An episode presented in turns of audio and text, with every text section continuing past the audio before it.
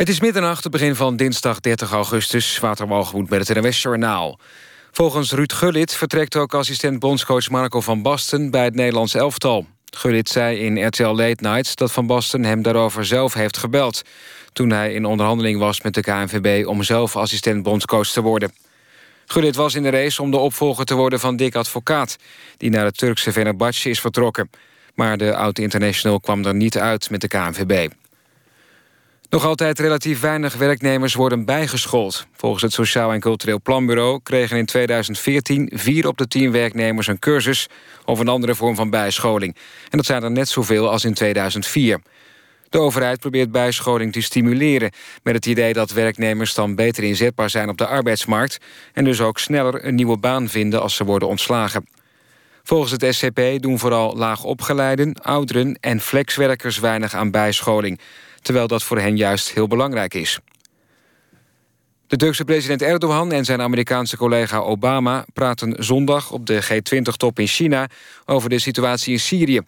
De VS heeft de Turken gewaarschuwd dat het alleen IS in Syrië moet aanvallen... en niet de opstandelingen die door de Amerikanen worden gesteund. Het Turkse leger is vorige week Syrië binnengetrokken... en strijdt daar onder meer tegen Koerdische milities. De Amerikaanse filmacteur Gene Wilder is op 83-jarige leeftijd overleden... heeft zijn familie bekendgemaakt. Wilder speelde onder meer Willy Wonka in de film Shaki en de chocoladefabriek... maar ook in komische films met Richard Pryor. Ook werkte hij veel samen met regisseur Mel Brooks. Het weer nog. Vannacht daalt de temperatuur lokaal tot onder de 10 graden.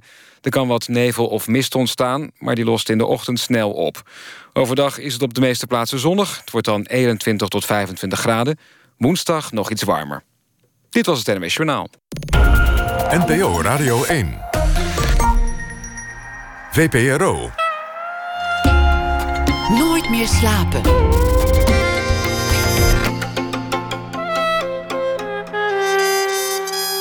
Met Pieter van der Wielen. Goedenacht en welkom bij Nooit meer slapen. Na één uur een gesprek met Meinder Talma over zijn ode aan damvirtuoos Jannes van der Wal. Het werd een lied van zo'n 20 minuten. Kaaskop of Mokro, dat is de gespletenheid die speelt in het leven van programmamaker Ajouet El Miloudi.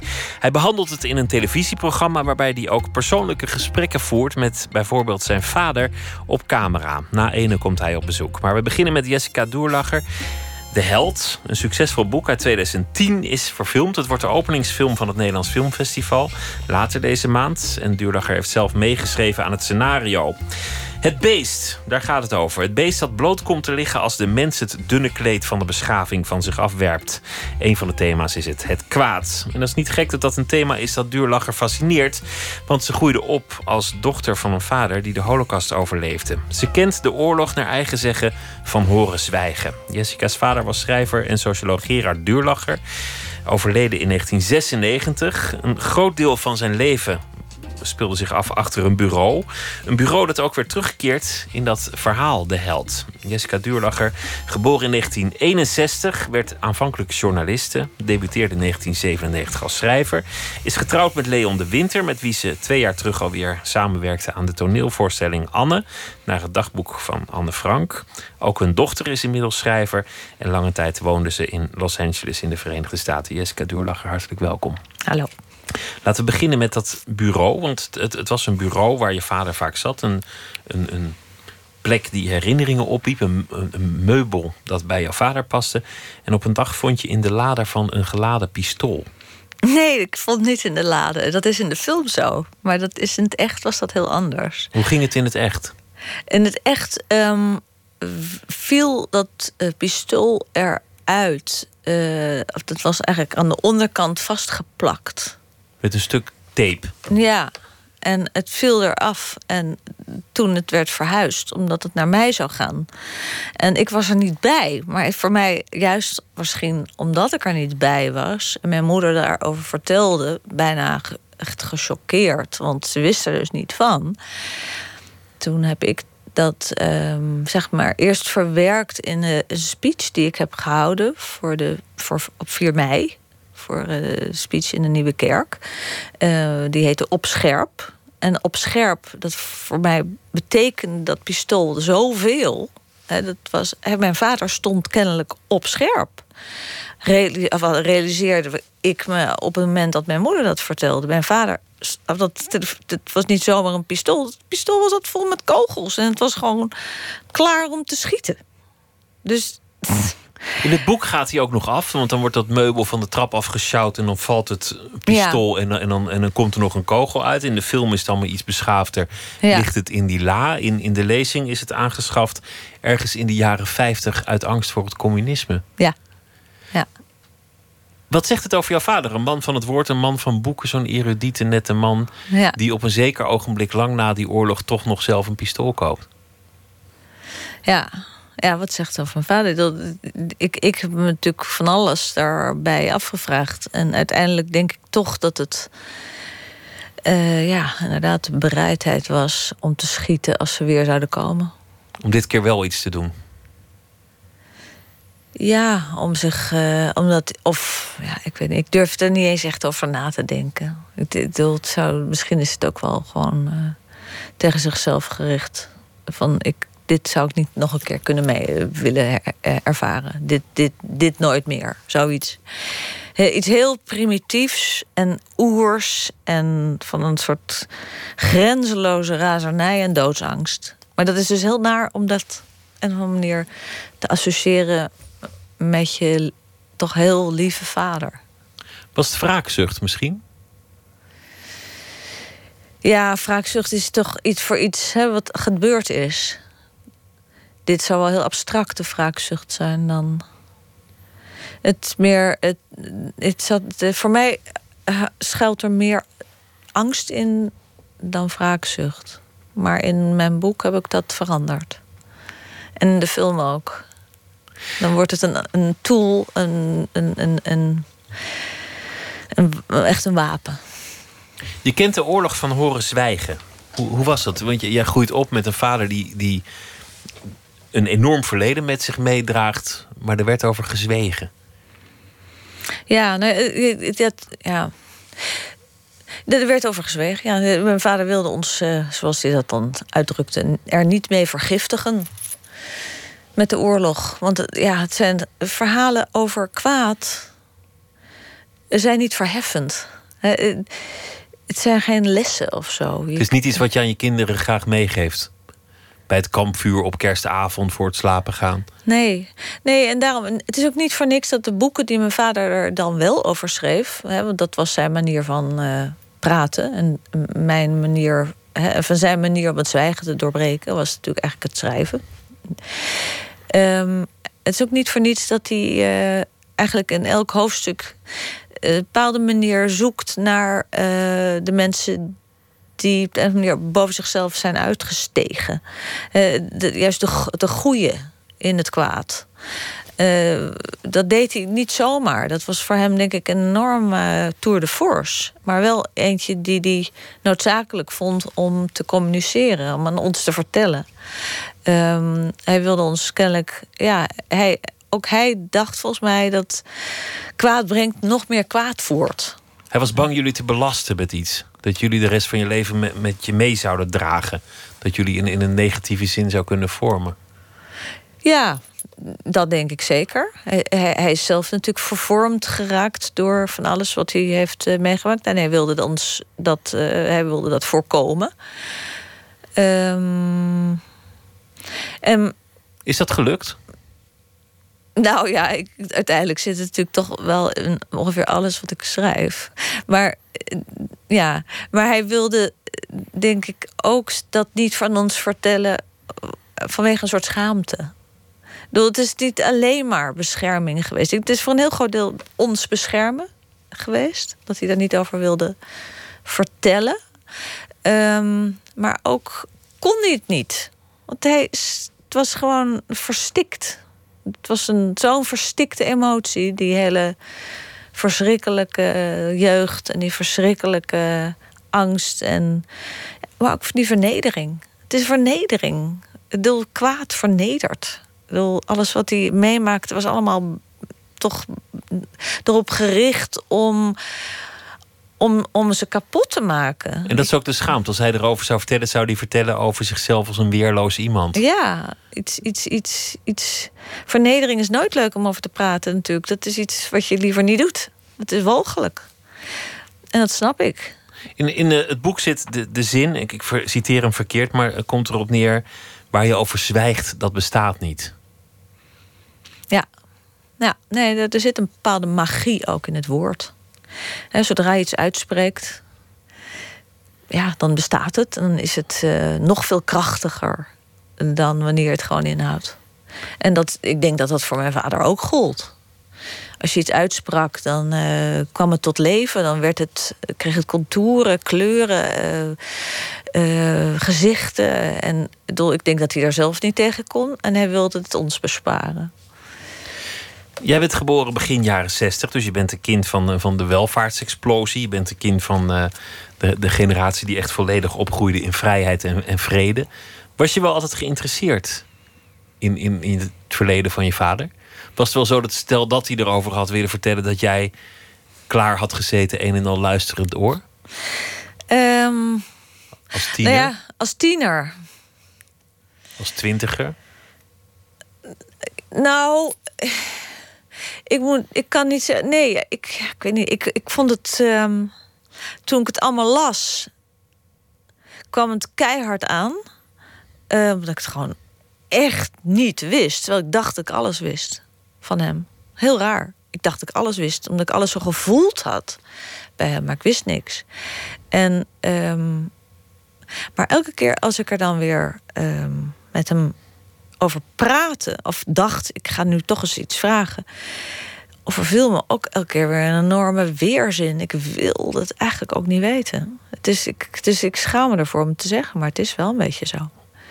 En um, als ik zijn boeken lees, dan zijn ze elke keer weer nieuw.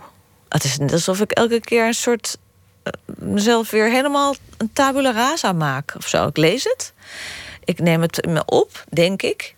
Maar ik ben, ik, ik, ik doe het ook meteen weer weg. Het is steeds weer uh, opnieuw is het weer weg. Het is, ik moet het weer opnieuw lezen. En dan is het weer nieuw. En wat zijn de, de, de details uit die geschiedenis die jou dan nu het hardst raken? Um,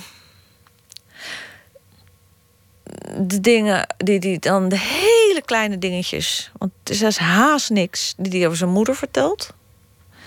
Um, en um, nou ja, die hele minuscule uh, aanwijzingen dat, dat die vader van hem, dat, dat, dat wat daar tussen hun was, dat dat helemaal niet goed was. En dat daar misschien ook wel een enorme aversie wederkerige aversie bestond. Wat, daar heb ik dan wel een boekje over geschreven. En dat, uh, dat heette Arturo d'Alberti, want dat was dan de, de naam van zijn vader, de, de, kunstenaarsnaam. Maar het was een poging om dat toch aan te raken. Maar ik vind het nog steeds. Ja, het is allemaal heel erg pijnlijk. Ik, ik zie ook altijd mijn vaders gezicht daarbij. Dat. dat dat, dat, dat totaal introverte wat hij dan kreeg. Terwijl het, een hele, het was een hele vrolijke man. Hè? Iemand met wie je ongelooflijk kon lachen. En een ontzettende geinige uh, ja, kant had. Enorm veel ja, plezier kon maken. Maar tegelijkertijd, als het dan hierover ging... dan verdween dat gezicht helemaal in een soort... Was helemaal, hij had helemaal geen gezicht meer. Heel eng. Hij heeft overleefd, heel veel anderen niet. Eigenlijk de meeste mensen uit zijn omgeving niet. Ze zijn verraden, ze zijn vernederd, ze zijn, zijn weggevoerd en hij is teruggekomen en hij is opnieuw begonnen. Op een zeker ogenblik ben jij gaan schrijven, maar dat heb je pas gedaan toen hij er niet meer was. Mhm. toen, toen hij al dood was. Had je, dat, had je over dat verleden kunnen schrijven toen hij er nog wel was? Nou ja, ik schrijf over mijn verleden. Hè. Het, mijn verleden met zijn verleden eigenlijk. Ik zeg expres dat verleden, want dat is een beetje neutraal. Ja. Dan is het niet van iemand. Nee, ik kon er absoluut niet over schrijven. Ik probeerde het wel, maar um, dat ging helemaal niet. Want wat stelt het ook voor? Wat heb jij nou helemaal meegemaakt? Ja, dat is wel, het is natuurlijk heel cliché, maar het is wel waar. Het is gewoon zo. Ik, ik, ik kon het gewoon niet. Dat, ik, ik, ik, elke keer voelde ik gewoon zijn uh, blik bij alles wat ik deed. Was En er reden, was wel, reden toe? Heb je, heb je het wel eens daarover gehad? Of, of, het, of het idee geopperd waar hij bij was dat hij liet blijken dat, dat hij dat niks vond? Nee, nee, nee. Hij stimuleerde me enorm om te, om te gaan schrijven. Maar dat was iets totaal eh, abstracts eigenlijk. Ehm, en ik heb, ik, ik heb ook nooit gedacht dat ik daar iets over zou schrijven. Hoor. Over hem of over de, de achtergrond die hij verborg. Of, heb ik, dat dacht ik toen helemaal niet aan. Ik was alsmaar bezig met een, ehm, een, iets wat maar niet van de grond kwam. Een, een soort liefdesverhaal. En dat, Gewoon iets onschuldigs, iets, ja, iets dat, leuks. dat probeerde ik, maar het lukte alsmaar niet. En uiteindelijk, toen hij er niet meer was, toen schreef ik dat liefdesverhaal op. Maar dat liefdesverhaal dat had heel veel te maken met eh, ja, die, een soort eh, ja, die, de, de gedeelde geschiedenis. Daarom was het ook een liefde. Die liefde was eigenlijk alleen maar het zoeken naar een, een, een, een, een, een, eh, iemand die het zelf had meegemaakt. En ehm, toen ik me dat realiseerde, werd het natuurlijk een heel ander boek. Maar dat kon ik eigenlijk pas schrijven toen hij er niet meer was. Toen was je vrij. Nou, nee, het was, ja, nee, het was ook een soort zoektocht naar hem. Want het was vrijwel nou ja, in de zomer dat hij, dat hij dus doodging. Zomaar ineens, per ongeluk. Echt een soort totale shock. Ehm, ik was toen bezig aan dat liefdesverhaal. Dat, dat, dat, dat ging heel erg langzaam. Maar toen was hij er niet meer. Toen wilde die, ik natuurlijk toch, omdat hij er niet meer was, hem terugvinden. En, en, daar, en toen kon ik ineens schrijven. Maar pas later dacht ik, god, wat, wat wrang. Dat ik nu ineens kan schrijven over iets wat met hem te maken heeft. Terwijl ik eh, al zo lang aan het prutsen was. En je dan niks meer kunt vragen en niet hem even kunt bellen van... Nee. dan heb je een idee of, of hoe zou dit zijn? Of, of eh, Ja, vertel eens hoe dit zat. In, in het boek De Held en, en ook de film... Waar, waar je zelf ook trouwens aan het script hebt meegewerkt... dus dat is belangrijk om eh, op te merken... Mhm. gaat het heel erg over, over die ruimte om te handelen. Om het heft in handen te nemen. Om niet leidzaam toe te kijken... Mhm. maar om een held te worden. Mhm. rechtvaardige eigenlijk ook. Om rechtvaardigheid op te zoeken. Nee, een rechtvaardige, dat is dat, is dat eh, hele Oh, rechtvaardigen als Ja, werkwoord. de rechtvaardigen. Nee, nee rechtvaardigen. Dat, de, de, dat, zijn dan, dat is dan zo'n mooie eh, verhaal in de. Nou ja, ik geloof uit de Torah. Ik weet niet eens precies. Dus het is een verhaal dat er eh, in de wereld altijd mensen rondlopen die zijn goed. Die doen het goede. En in dit geval is dit iemand die doet het goede, maar het is door het kwaad te bestrijden. Zoiets is het. Voor mij. Het gaat over een jongetje die, die had een pistool, maar kon niet schieten. Want dan zou hij zichzelf verraden tegenover de, de Duitsers. Dat is in het boek zo. Dat is in het boek zo. In de film is dat weer ietsjes anders. En dat blijft zijn hele leven dwars zitten. Dat blijft he- zijn hele leven terugkomen. Dat hij zijn moeder niet heeft kunnen redden. Dat hij zijn moeder niet heeft kunnen redden. Maar ook dat hij niet dat gevoel heeft kunnen gehoorzamen om, om de slechterikken overhoop te knallen. En dan, in, in, ik ga niet het hele verhaal weggeven, maar in, in de huidige tijd komt er dan die noodzaak om alsnog iemand af te knallen. Dus er zit veel geweld in, maar er zit, er zit ook een heel duidelijk onderscheid tussen goed en kwaad in. Mhm. En angst zit er ook in. Mhm. Ik sprak Leon de Winter, jouw echtgenoot, in, in december. En, en die vertelde dat hij eigenlijk op zoek was naar vrede. En dat vond in het gezin, in zijn huis. En dat hij permanent de noodzaak voelde om dat huis te verdedigen. Dat voor hem de wereld er zo uitzag als een huis dat je moest verdedigen. En ik, vond- ik vond aan de ene kant heel warm en, en, en ook wel geestig dat hij dat zei. Aan de andere kant dacht ik, wat is het eigenlijk voor wereldbeeld? Dat, dat je in je huisje moet terugtrekken en dan met angst naar je, uit je raam moet kijken. Ja. Ik vind dat je de wereld in, moet- in moet duiken. Mhm. Dat je op het terras moet gaan zitten. Ja. Nee, maar dat, dat is ook niet... Kijk, dat is Leon. Ja, dat weet ik. Ik vereenzelvig jullie niet helemaal. Maar in Ja. dit boek zit dat beeld ook wel. Een, een gezin dat wordt overvallen in de nacht Mhm. door het kwaad. En, en het kwaad dat door de rechtvaardigen moet worden eh, overwonnen. Ja, maar dat is wel de werkelijkheid, hè? Er wordt ook een hoop eh, aangevallen en er is een hoop kwaad. Dus het is, niet zozeer dat je je dan terugtrekt en dan... Dat, dat beeld, dat, dat bestrijd ik een beetje. Maar het is, het is wel zo dat er gewoon in, in ja, elke dag gebeuren er de meest vreselijke dingen. Het is niet zoiets heel abstracts. Het is, het is reëel. Het is concreet. Dat gebeurt. En in de oorlog gebeurde het en nu gebeurt het weer. Het, voortdurend, overal, is er van alles gaande. En ja, in die oorlog uh, is het inderdaad een, een, een, een, een jongetje van 13 dat natuurlijk hulpeloos is. En in het, in het heden is er een jongen die, uh, die ervoor heeft getraind, zullen we maar zeggen. Ik bedoel, er, zijn, er, is een soort uh, bewapening heeft zich voltrokken in de, gedurende het boek. Het, het, is van, van heel ehm, passief en bang naar een bepaalde militant, militantheid. En dat, dat, dat, dat, daar zit ook een bevredigend aspect aan, aan die ontwikkeling. je noemt het in het boek op een zeker ogenblik het beest. En, en het beest, dat, dat is ja, bijna een beeldspraak voor, voor de kant van de mens die de menselijkheid heeft afgeworpen. Het kleed der beschaving, dat is van de schouders gerold. En wat overblijft is een, een strijd, een bloedigheid. Mhm. En het kwaad. Ik vind het wel mooi, want dat, dat het, het beest in de mens naar voren kan komen, dat is iets van alle tijden dat je ziet. En, zeker in oorlogstijd. Ja, ja. ja en, in het boek zit er een. Oh, nou, en in de film is dat eigenlijk ook wel zo. Er zit er ook een bepaalde tragiek in. Dat, eh, het is natuurlijk niet zo dat je helemaal kwaadaardig geboren hoeft te zijn. Dat is helemaal niet zo. Er zijn mensen natuurlijk die gevormd worden door hun geschiedenis. En dat uh, mensen doen vaak dingen die ze misschien niet eens willen doen. Maar ze doen ze. En dat uiteindelijk word je toch gedefinieerd door de dingen die je doet. Maar dan zou er ook geen absoluut kwaad zijn en ook geen absoluut goed. Dat is iets wat ik, wat ik eigenlijk wel kan geloven. Mhm. Misschien is dat zelfs nog enger als het niet zwart-wit is. Misschien als, als goede mhm. mensen tot kwaaie gedachten kunnen komen. Of dat een mhm. terrorist later een lieve dichter kan worden. Of dat een... Nou, dat lijkt me dan wel leuk, als, als dat kan.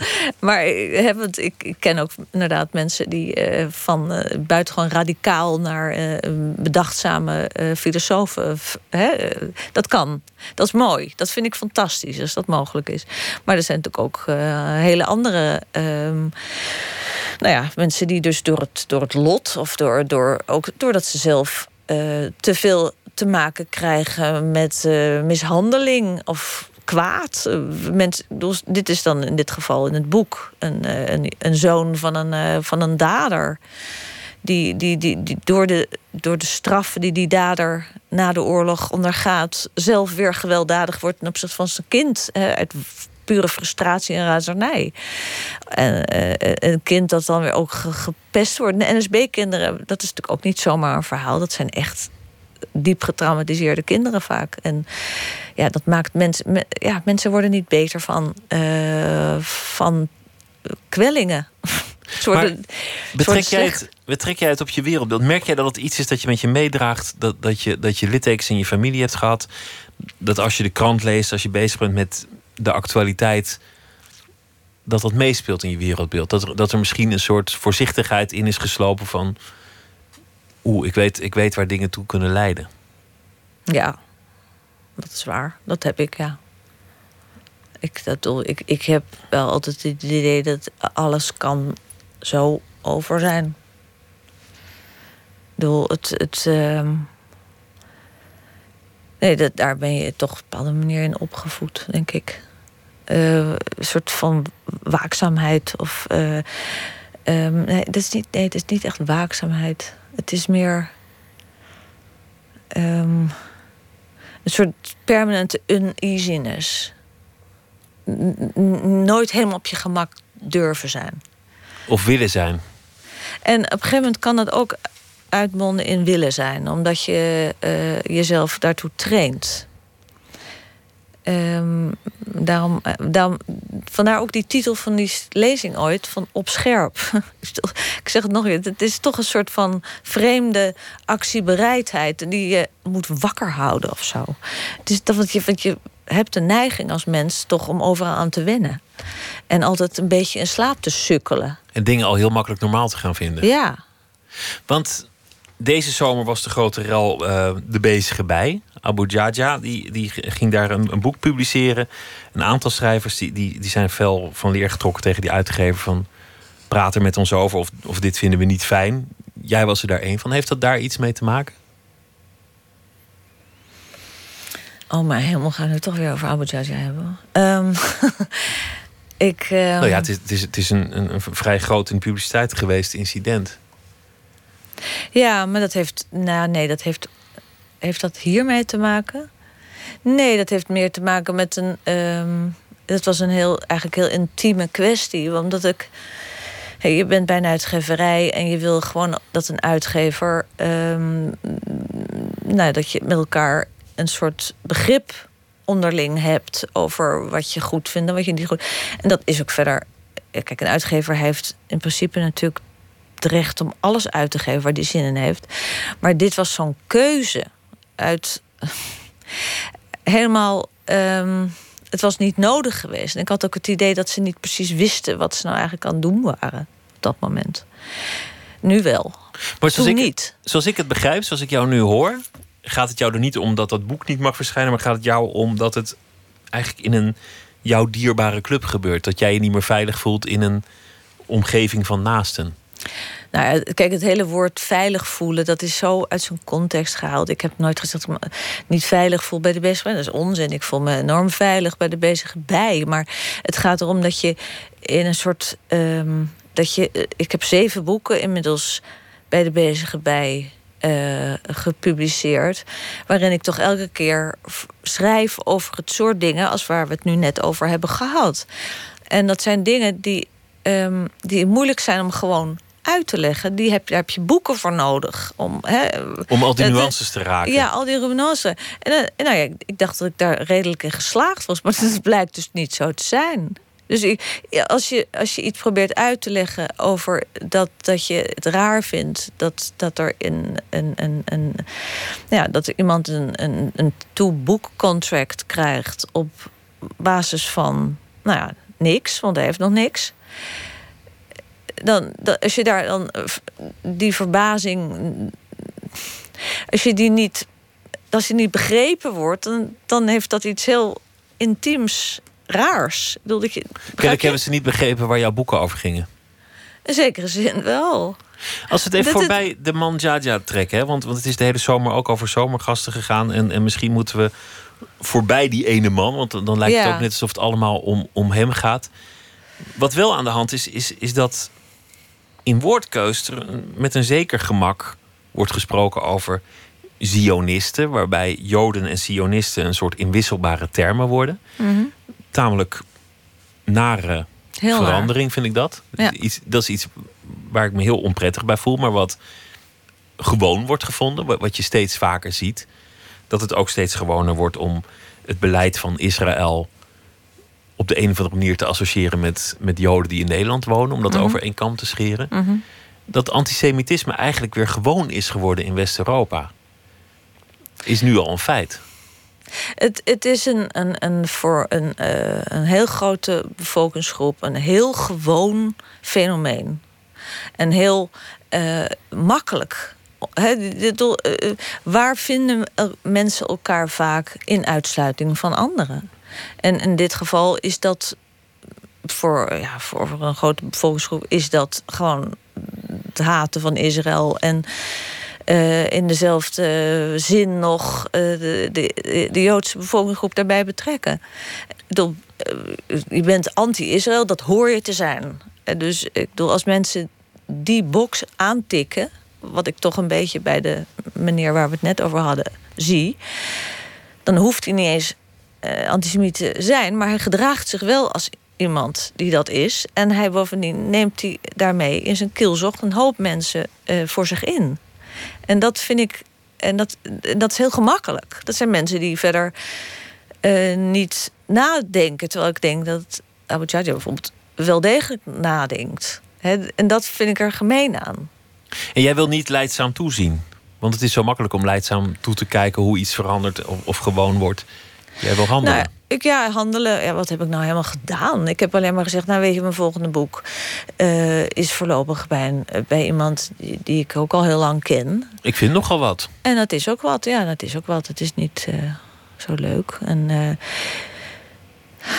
ja, ik kan daar verder ook niet zoveel over zeggen. Dit is wat ik, dit is wat ik nu ga doen. En hoe het verder allemaal uitpakt, dat gaan we verder we we nog wel zien. Het boek is er nog niet. Dus ja. Laten we luisteren naar uh, muziek uit Ierland. Zangeres Lisa Hannigan heeft een nieuw album, At Swim. En we gaan luisteren naar een uh, stuk met als titel Fall.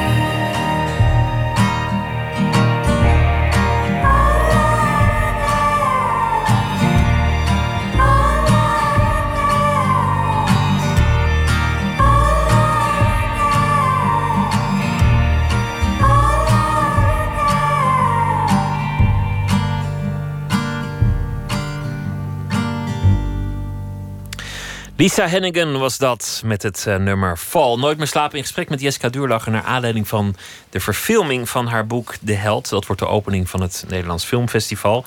We hebben gesproken over het oorlogsverleden van je vader... en, en hoe dat doorwerkt in jouw eigen jeugd... en hoe je pas kon schrijven naar je merkte toen, toen hij er niet meer was. Toen je toen vrij was om te gaan schrijven, om schrijver te worden. Dat dat thema altijd terug blijft keren in jouw leven. Hoewel het niet jouw directe verleden is. Jij bent van de jaren zestig, maar het blijft fascineren. Een soort voorzichtigheid. Een soort alertheid, omdat je weet dat het gevaar bestaat. We hebben het gehad over Abu Jaja, een incident. Want het boek dat je moet gaan uitgeven is nog niet eens geschreven. Maar als je het al geschreven hebt, dan komt het niet bij de bezige bij. Omdat je zei, kennelijk hebben ze niet begrepen waar mijn boeken over gaan... als ze ervoor kiezen om deze man daar uit te geven? Nou, nu, dat generaliseert. Ik heb ongelooflijk lieve vrienden ook bij de bezig bij die het natuurlijk wel begrepen. Het is, het is altijd een, een. Je moet op een of andere manier altijd toch een soort stap zetten voor jezelf. En dat is dan niet puur om je. Om die mensen te, te, te raken. Het is voor jezelf. Het is voor mezelf een belangrijke stap, dit. En dat, dat, zo wil ik het ook zien. Begrijp je? Volgens mij moet je begrijpen wat een, wat een uitgever is voor iemand om, om helemaal die stap te begrijpen. Ja, nou, een uitgever zit. Kijk, een uitgever. Uh, is, is niet, het zijn ook geen vrienden, maar het zijn ook geen werkgevers. Het, het zijn mensen die geloven in je potentieel als, uh, als ideeënmens, maar ook als uh, hè, de manier waarop je het uh, formuleert. Ze geloven dus toch wel heel erg in, in jou als persoon. En dat, um, dat maakt ook die band natuurlijk heel diep. Veel dieper dan dan, dat is een heel vreemd soort iets. Je wordt eigenlijk ge, ge, gesteund. Het zijn, het zijn je steunposten. Het is iets gevoeligs. Want, Heel gevoelig. toen, toen de VPRO uh, eh, Abu Jaja uitnodigde als zomergast. Uh, ja, de VPRO is dan de, de, club waar ik voor werk. Dacht ik, het zou niet mijn keuze zijn. Vind ik eigenlijk niet, uh, niet, niet zo'n goede gast. Mm -hmm. Maar dat, dat raakt mij niet persoonlijk. Ik denk dan niet, oh nee, dan zeg ik nu mijn baan bij de VPRO op. Of dan ga ik nu voor de VARA werken. Dat, dat, dat, nee. Zo komt niet. Ik denk, nou ja, meerdere mensen, meerdere meningen. En toevallig werken ze allemaal voor dezelfde club. Ze zien maar. Ja. Ja, nee, maar goed, dat, dat, dat, uh, dat is zo. Maar. En,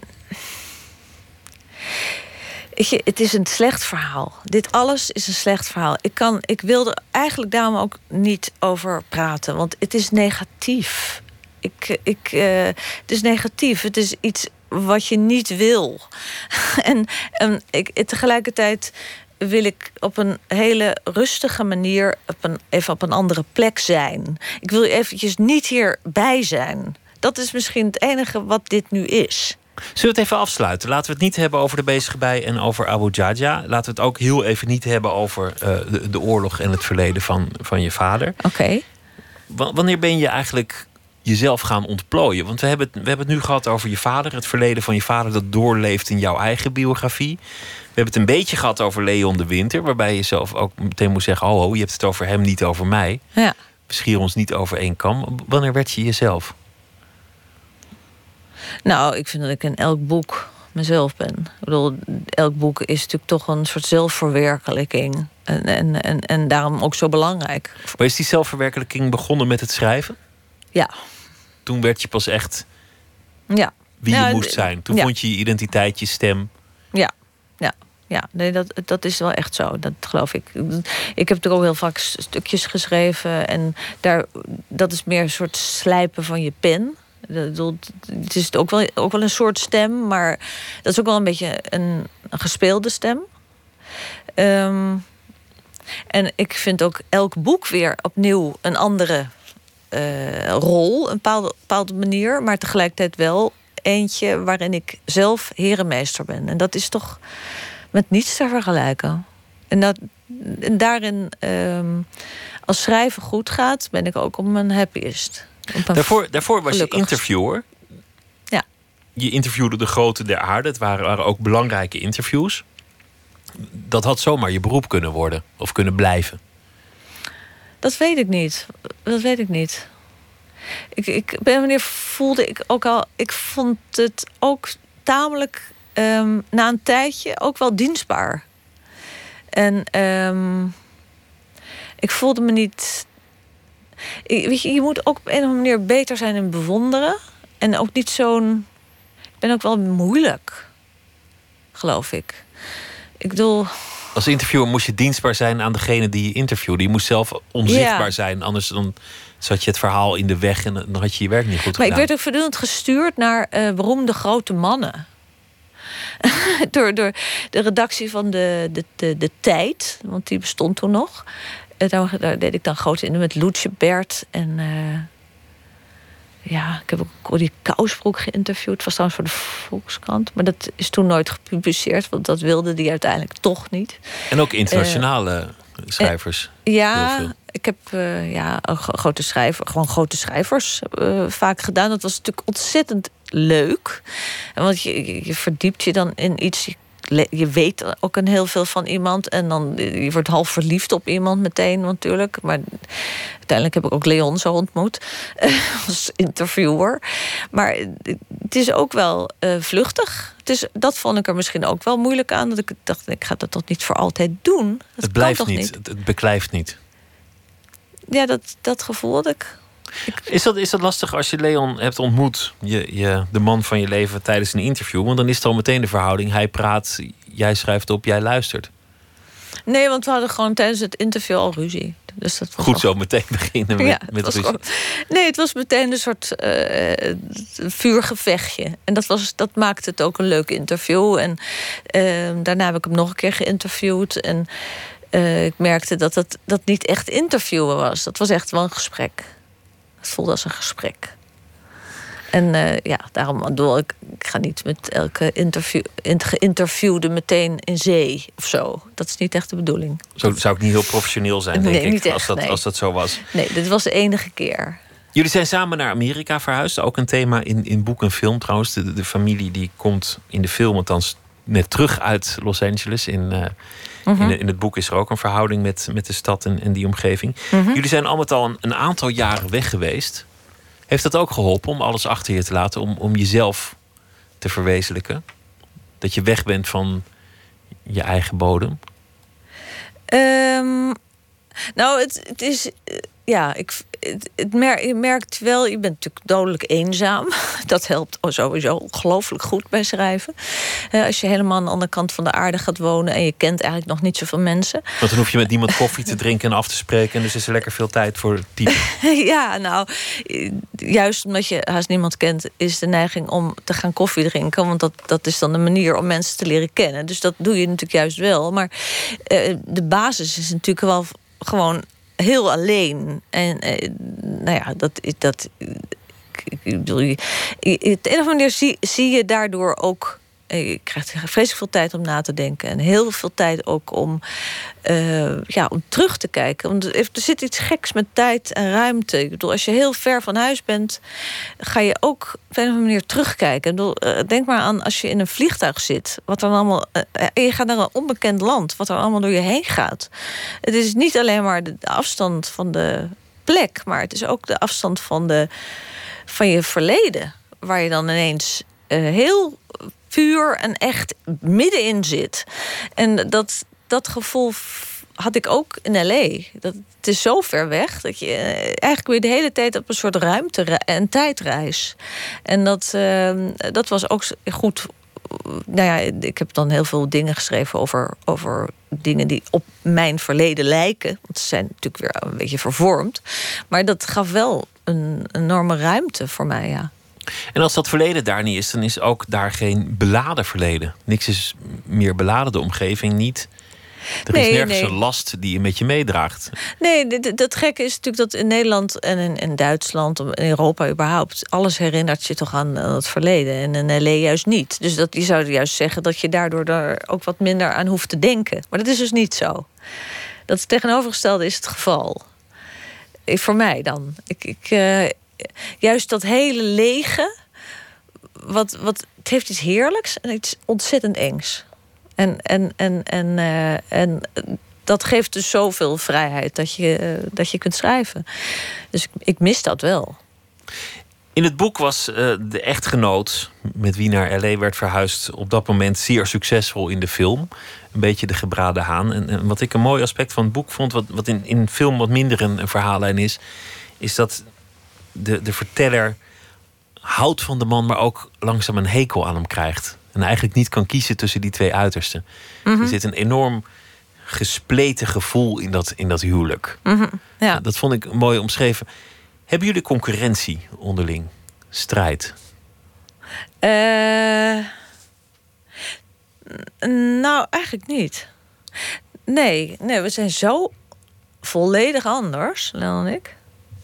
En Leon is natuurlijk al veel langer aan het schrijven. Dat is, dat is ook op een bepaalde manier eh, niet in te halen. Hè? Want hij schreef al in 1978. Toen begon ik ongeveer net met studeren. Ik bedoel, ja, weet je, dit, we hebben ook een soort leeftijdsverschil. Niet, niet krankzinnig groot, maar wel 7,5 jaar.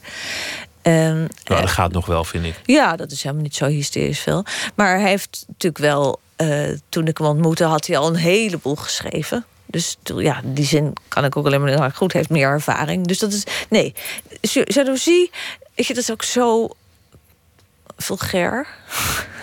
ik zou dat niet willen. Dat staat ook een beetje haaks op liefde, als het echte jaloezie is. Ja, ik, dit is gewoon niet goed. Uh, ik wil het niet. En ik heb het dus ook niet. Ik nee, ik ben niet jaloers. Ik bedoel, het is natuurlijk als je allebei precies hetzelfde moment een boek hebt... en de een gaat sky high en de ander uh, zit thuis alleen maar naar slechte recensies te kijken... dan, dan heb je een nare situatie. Maar dat, heeft ook, dat is ook geen jaloezie. Want Leon is enorm genereus en die zou daar net zo onder lijden als ik. Als het, als het mij zou treffen, als dat gruwelijke lot dus. En andersom zou ik het precies zo hebben. Maar zijn jullie de eerste lezer van elkaars boek? Ja, ja, ja.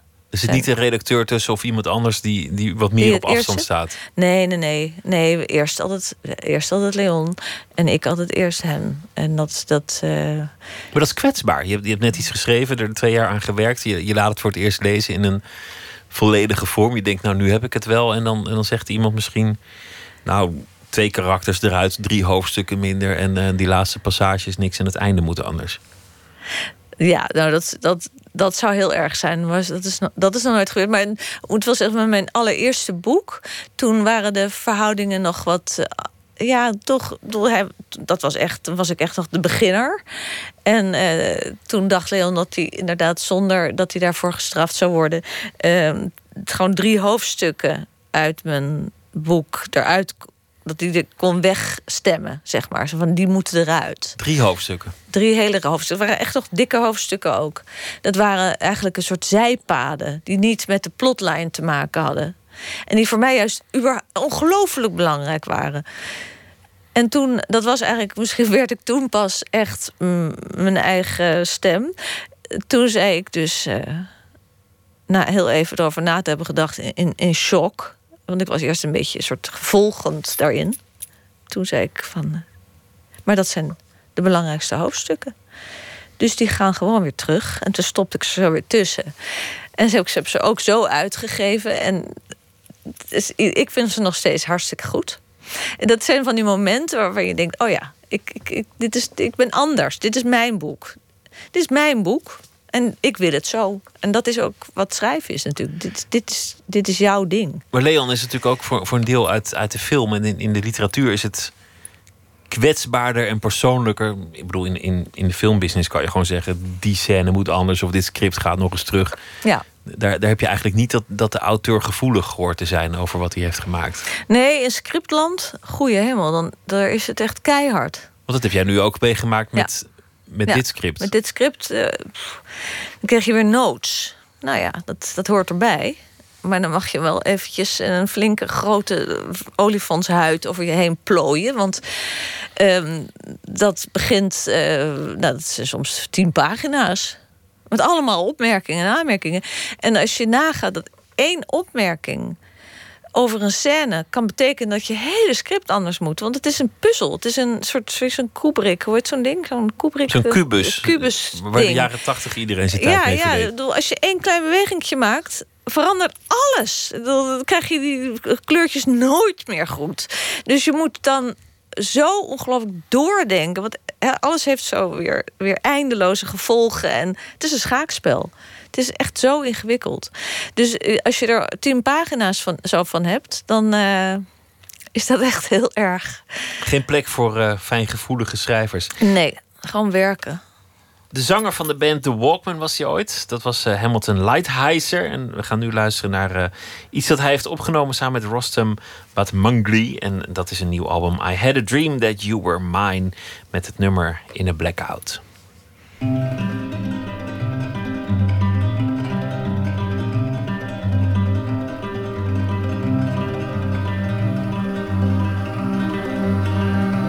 I live in a nameless town. No need to wander around. I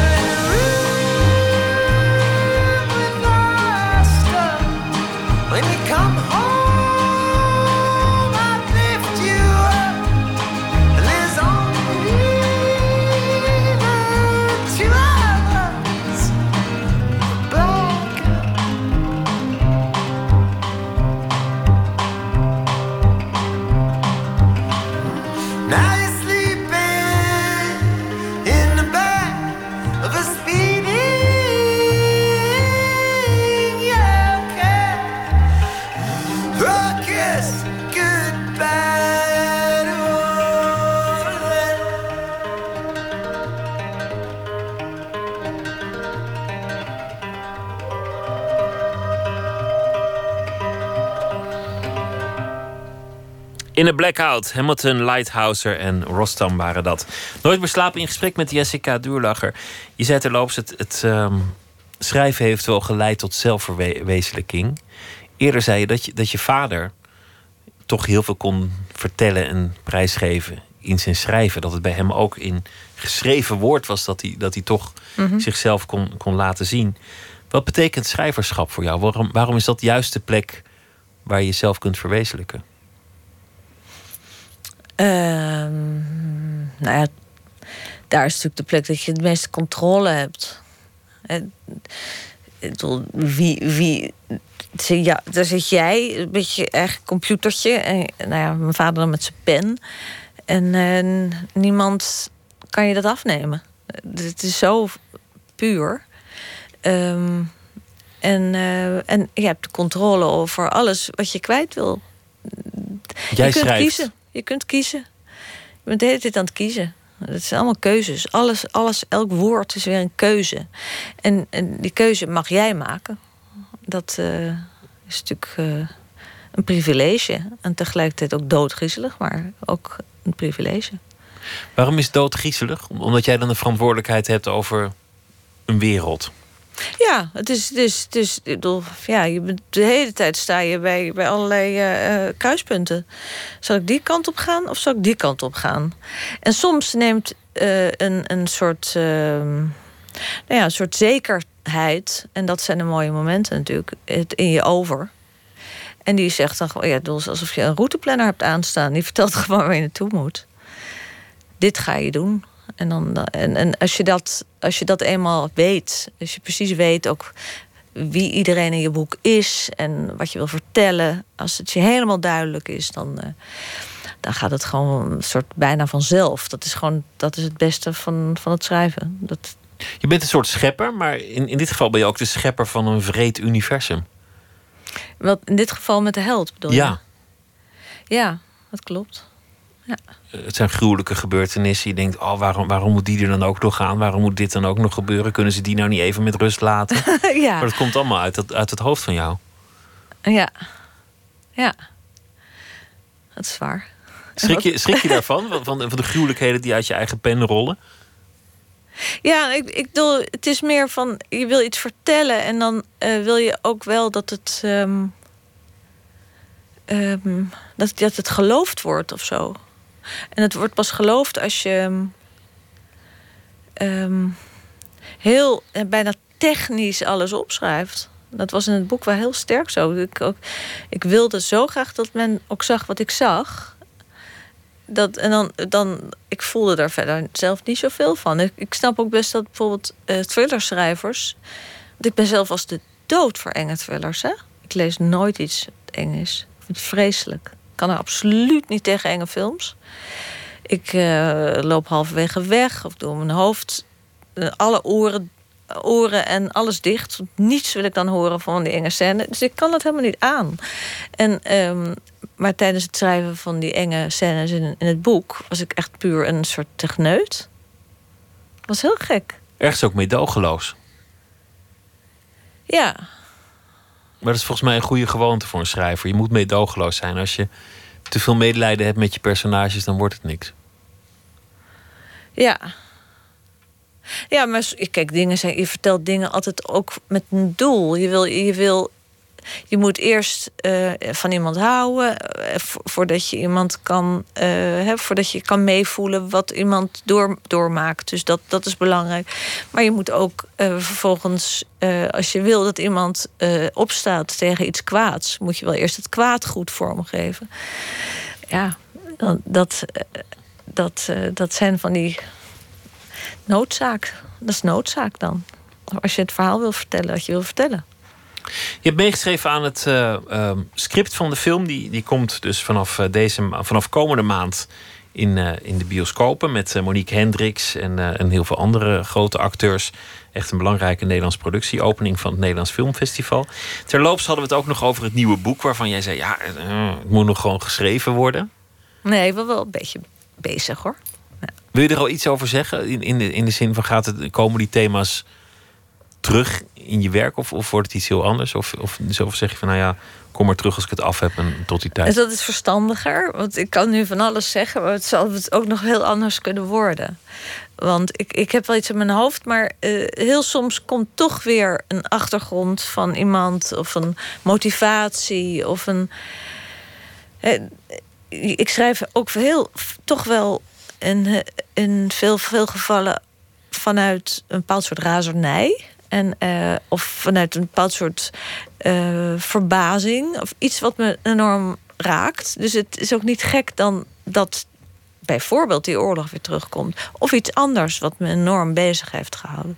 Woede is een drijfveer voor jou. Woede is een, is een drijfveer en een ehm, bron. Ja, maar ik bedoel, er is natuurlijk niets is van niets gaat vanzelf. Er is een hoop verkeerd. En er is ook een hele hoop goed. Ik, ik, ik, ik, ik, ik, hoop zo dat het boek wat ik in mijn hoofd heb, dat dat gaat over iets wat ehm, iets van de, een van de mooiste dingen die er zijn. En dat is? Ehm, verliefdheid. En bedoel, maar ja, dat kan pas weer wat betekenen ten opzichte van iets anders. Dus ik- het is een soort van eh, de, eh, de redding of zo. zo. Ik wil zeggen, ik zou dolgraag een boek schrijven waarin je enorm van gelukkig van wordt. Als je Maar een boek alleen over verliefdheid, dat zou niet werken. Nee, nee, dat gaat niet. Zijn Jantje altijd- komt Roosje tegen en oh, wat Nee. waren ze gelukkig. Dat wordt een flutboek. Ja, daarom. Jantje moet, moet, moet Roosje wel voor zich winnen en, en daardoor moet hij even over Er moet heel veel, heel veel tegenstand en ellende ook zijn eerst. Want verliefdheid kan natuurlijk ook een en al narigheid zijn. Juist. Precies. Best wel vaak. Ja, best wel vaak. En, eh, maar ik zou het ontzettend. Dat, dat is denk ik een van de dingen die, waarvan ik nu hoop dat. Dat is experiment. eh, mijn, mijn opgave.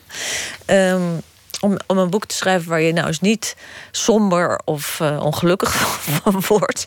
Maar wat je op een manier optilt. Van de held werd ik ook blij. Werd ik helemaal niet somber van aan het eind. Maar dat, dat het eind goed. ga ik niet verklappen. Want dan, dan, eh, dan heb ik voor heel veel mensen de film verkloot. Ja, Dus dat, eh, Nee, dat is goed. doe ik gewoon lekker niet. Ja. Jessica Duurlacher, dank dat je te gast wilde zijn. Heel veel succes met alles wat je gaat doen. En vooral ook met eh, de film en de première daarvan. De Dank je. Held. Te zien vanaf september. Zometeen gaan we verder met Nooit meer slapen. Onder meer gaan we het hebben over dammen. Twitter, het VPRO NMS. We zitten op Facebook en u kunt zich abonneren op eh, de podcast via iTunes of de website van de VPRO. vpro.nl slash nooit meer slapen.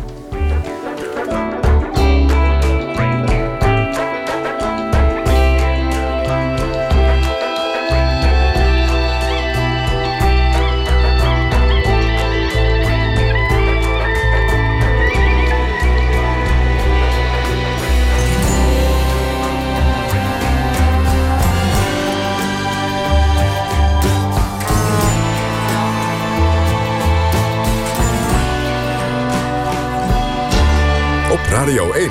Het nieuws van alle kanten.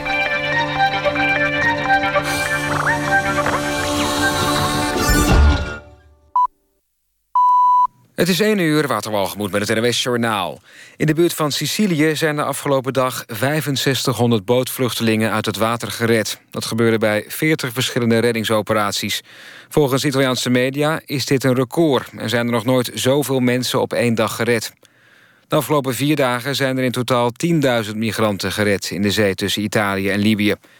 De reddingsoperaties worden gecoördineerd door de Italiaanse kustwacht... maar ook schepen van andere Europese landen en particuliere hulporganisaties zijn erbij betrokken. Volgens Ruud Gullit vertrekt ook assistent-bondscoach Marco van Basten bij het Nederlands elftal. Gullit zei in RTL Late Night dat Van Basten hem daarover heeft gebeld... toen hij in onderhandeling was met de KNVB om zelf assistent-bondscoach te worden. Gullit was in de race om de opvolger te worden van Dick Advocaat... die naar de Turkse Fenerbahce is vertrokken. Maar de oude international kwam er niet uit met de KNVB. Volgens Voetbal International gaat Van Basten mogelijk aan de slag... bij Wereldvoetbalbond FIFA.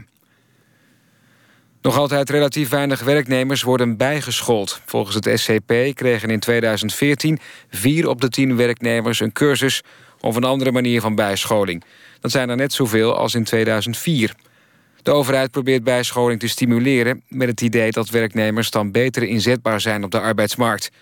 Vooral laag opgeleiden, ouderen en flexwerkers doen weinig aan bijscholing. Voor de negende keer is het verzoek afgewezen... voor vervroegde vrijlating van de moordenaar van John Lennon. Mark Chapman schoot de ex-Beatle in 1980 in New York dood. Hij werd in 1981 veroordeeld tot levenslang. De commissie die zijn verzoek behandelde... oordeelde dat zijn vrijlating onverenigbaar is... met het welzijn van de samenleving. Het weer vannacht daalt de temperatuur lokaal tot onder de 10 graden. Er kan wat nevel of mist ontstaan. Overdag op de meeste plaatsen zonnig en 21 tot 25 graden. Dit was het NWS Journaal. NPO Radio 1. VPRO. Nooit meer slapen.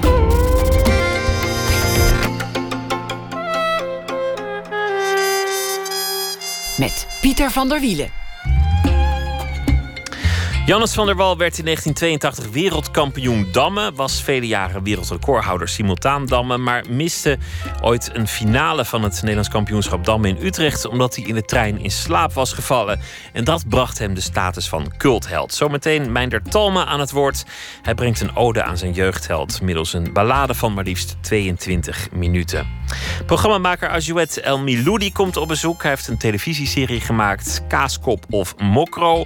En hij gaat op zoek naar antwoorden binnen de Marokkaanse cultuur geldende dilemma's en ook uh, andere vragen en heel veel dingen. Kortom, daar kwam ik niet helemaal uit. Maar dat maakt niet uit. Het is duidelijk. Het is een uh, nieuwe tv-serie en hij komt zometeen op bezoek. We beginnen met Elfie Tromp, die deze week elke nacht een verhaal gaat maken voor ons op basis van de voorbije dag.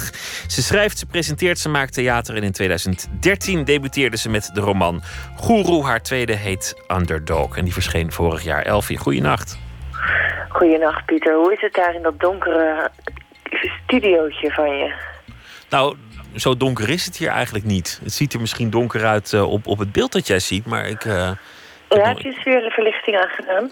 Nee, het is, ze hebben hier best wel verre lampen hangen eigenlijk. Het is hier altijd ontzettend ongezellig. Ja, straks dat bioritme van jou, dat moet toch helemaal door de war zijn?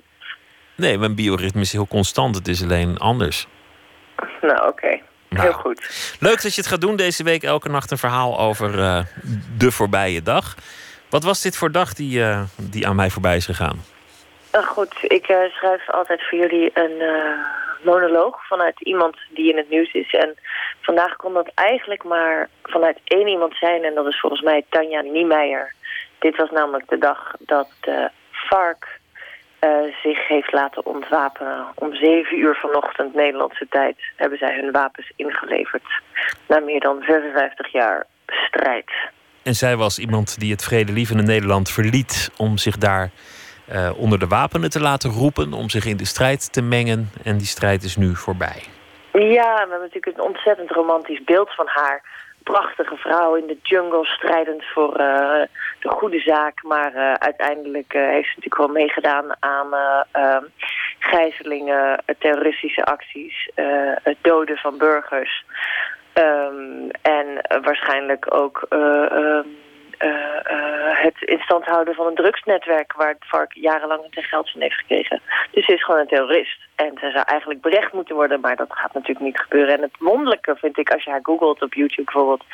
dat er meerdere liedjes zijn die zij heeft gezongen als een soort strijdliederen. Dus uh, daar heb ik een monoloog over geschreven. Ik ben benieuwd, ga je gang. Goed, vanuit Tanja Niemeyer dus. ja, hallo, daar ben ik weer, Hollands favoriete knuffelterrorist. Kun je me horen? Ja, ik heb een slechte verbinding hier. In de jungle hadden we satelliettelefoons. Die werkten beter dan die Apple-meuk. Maar goed, je moet wat in je handen houden als je geen geweer meer hebt. Ik heb ze vanmiddag ingeleverd. Mijn Kalashnikov, mijn Colt en mijn Glok. Ja, dat is dus degene waar ik dat kind mee heb doodgeschoten. Ja, ben ik niet trots op. Dat is toch zo'n momentje dat je even bij jezelf te raden gaat. Is een ideologie nou echt belangrijker dan een hartslag? Maar goed, wel beschouwd is mijn hart er dubbel zo hard door gaan kloppen. Voor de zaak. Ja, de goede zaak. En wij doen eindelijk mee. Kijk, de eerste varkstrijders bereikten pensioensleeftijd... en niks is zo treurig als een soldaat zonder uitkering, toch?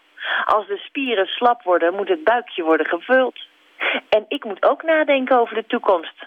Zeg, heb jij mij horen zingen? Ik ben misschien een beroerde schutter, maar een prima protestzanger. Ja, een soort Joan Baez, maar dan in schutkleuren. Ik denk erover om vlogger te worden, een soort YouTube-kanaal te beginnen. Er misschien zelfs een performance act van te maken. Ik kan Nederland dan niet meer in. Nee, ja, dan word ik uitgeleverd aan Amerika. Maar misschien kan ik nog een hitje worden op het Fringe Festival in Edinburgh. Ja, die zijn niet vies van edgy performers. Wat zeg je? Veel geluk? Ja, dank je wel. Ik stuur je wel een link op naar mijn nieuwe hit. Doei doei! De voorbije dag beschreven vanuit Tanja Nijmeijer. Strijder bij de FARC. De FARC die vandaag de wapens neerlegde. Elfie Tromp, dankjewel voor uh, de bijdrage van deze nacht. En graag weer tot morgen. Oké, tot dan. Volgend uh, weekende is het op Vlielandfeest, want dan uh, vindt daar het festival plaats Into the Great White Open, waarop uh, bands, natuurliefhebbers elkaar kunnen vinden. Een van de groepen die zal optreden is de Britse band The Slow Show en we gaan luisteren naar een van hun nummers, Bloodline.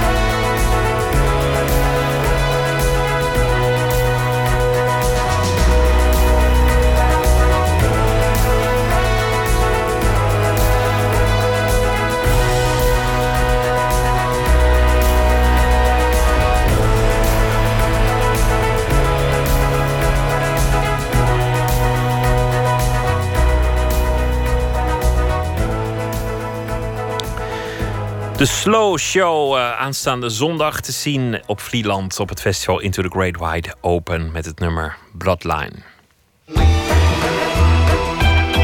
Nooit meer slapen.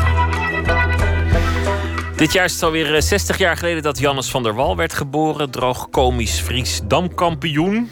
Het is ook 20 jaar geleden dat hij, en toen was hij 39 jaar jong, overleed aan leukemie. Genoeg aanleiding voor zanger Meinder Talma om de jeugdheld te eren met een album, een theaterprogramma en met een 22 minuten durende ballade van Jannes van der Wal. Verslaggever Jan-Paul de Bond die sprak Meinder Talma in zijn woonplaats Zuidhoorn.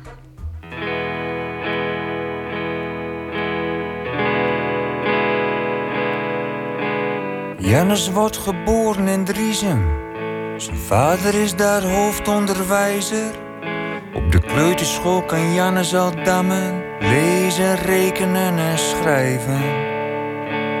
Dondert vaak van het trap af. Fietst keihard tegen een stilstaande trekker. Altijd kapotte kleren en is zijn nadeel uitvallende knokpartijen. Een tik op de, de ballade Wikipedia omschrijft het als een verhalend lied in de vorm van een gedicht. Met elementaire thema's als dood en wraak. Meestal lopen ze tragisch af. Ja, het is een speciaal geval. Janus van der Wal. De eerste keer dat ik Janus op tv zag was, was bij uh, Mies Bouwman. Daarvoor zag je hem in de krant. Ik, we hadden vroeger de de Leeuwarden Krant. En uh, dat volgde ik allemaal wel, dat hij naar wereldkampioen was geworden. En, en, uh, en toen kwam er een moment dat bijna geheel Nederland dat, dat heeft gezien ook. Dat hij dan aanschuift bij Mies in die uh, talkshow. Dat was toen het voordeel, hè? Heel Nederland zag dat ook. Ja, er waren twee netten toen nog. En dat was natuurlijk een historisch moment. Dat, dat iemand zo, die, die zo slim is, maar die, die dan niet kan communiceren met een hele... Een beetje giechelende mevrouw die een hele eenvoudige vraag stelt, maar en ook het mooie was natuurlijk dat hij... Normaal denken de mensen zouden denken van ja, misschien een beetje een domme vraag, maar ik, uh, ik geef er gewoon een antwoord op. dus dat was een heel pijnlijk moment, maar ook wel een heel komisch moment. En, en uh, ja, toen uh, werd Janus opeens groot. Toen, toen, was het, toen werd hij de bekende Nederlander. Janus, vertel eens iets over jezelf. Sinds wanneer dam jij? Nou, ik kan het me niet erg goed meer herinneren, maar toch wel flinke poos al, ja. Hoe oud ben je? Jannes die moet de hele tijd lachen hoor. Je ziet het niet altijd, maar hij lacht wel. Waarom moet je nou lachen, Jannes? Jannes, uh, zeg eens, hoe oud ben je?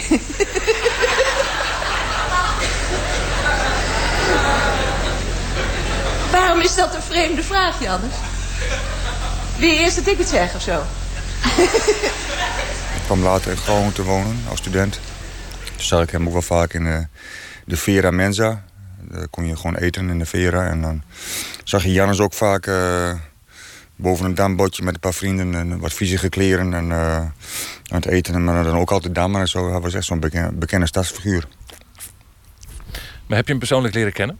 Nee, dat, dat niet. Ik, ben, ik heb ook nooit tegen hem gedampt of wat dan ook. Maar ik heb hem wel altijd gevolgd en heb ik altijd wel krantartikelen uh, over hem uitgeknipt. Ik heb uh, daar een map uh, die, met alle artikelen had ik die ik had bewaard. En ik had, ik had wel ooit in mijn hoofd van ik wil ooit iets, iets met hem gaan doen, qua lied of zoiets. En op die manier dat verhaal vertellen over zijn leven en gewoon een lange bladen maken. Je zat in de trein naar Utrecht op weg naar het Nederlands kampioenschap en je bent in slaap gevallen.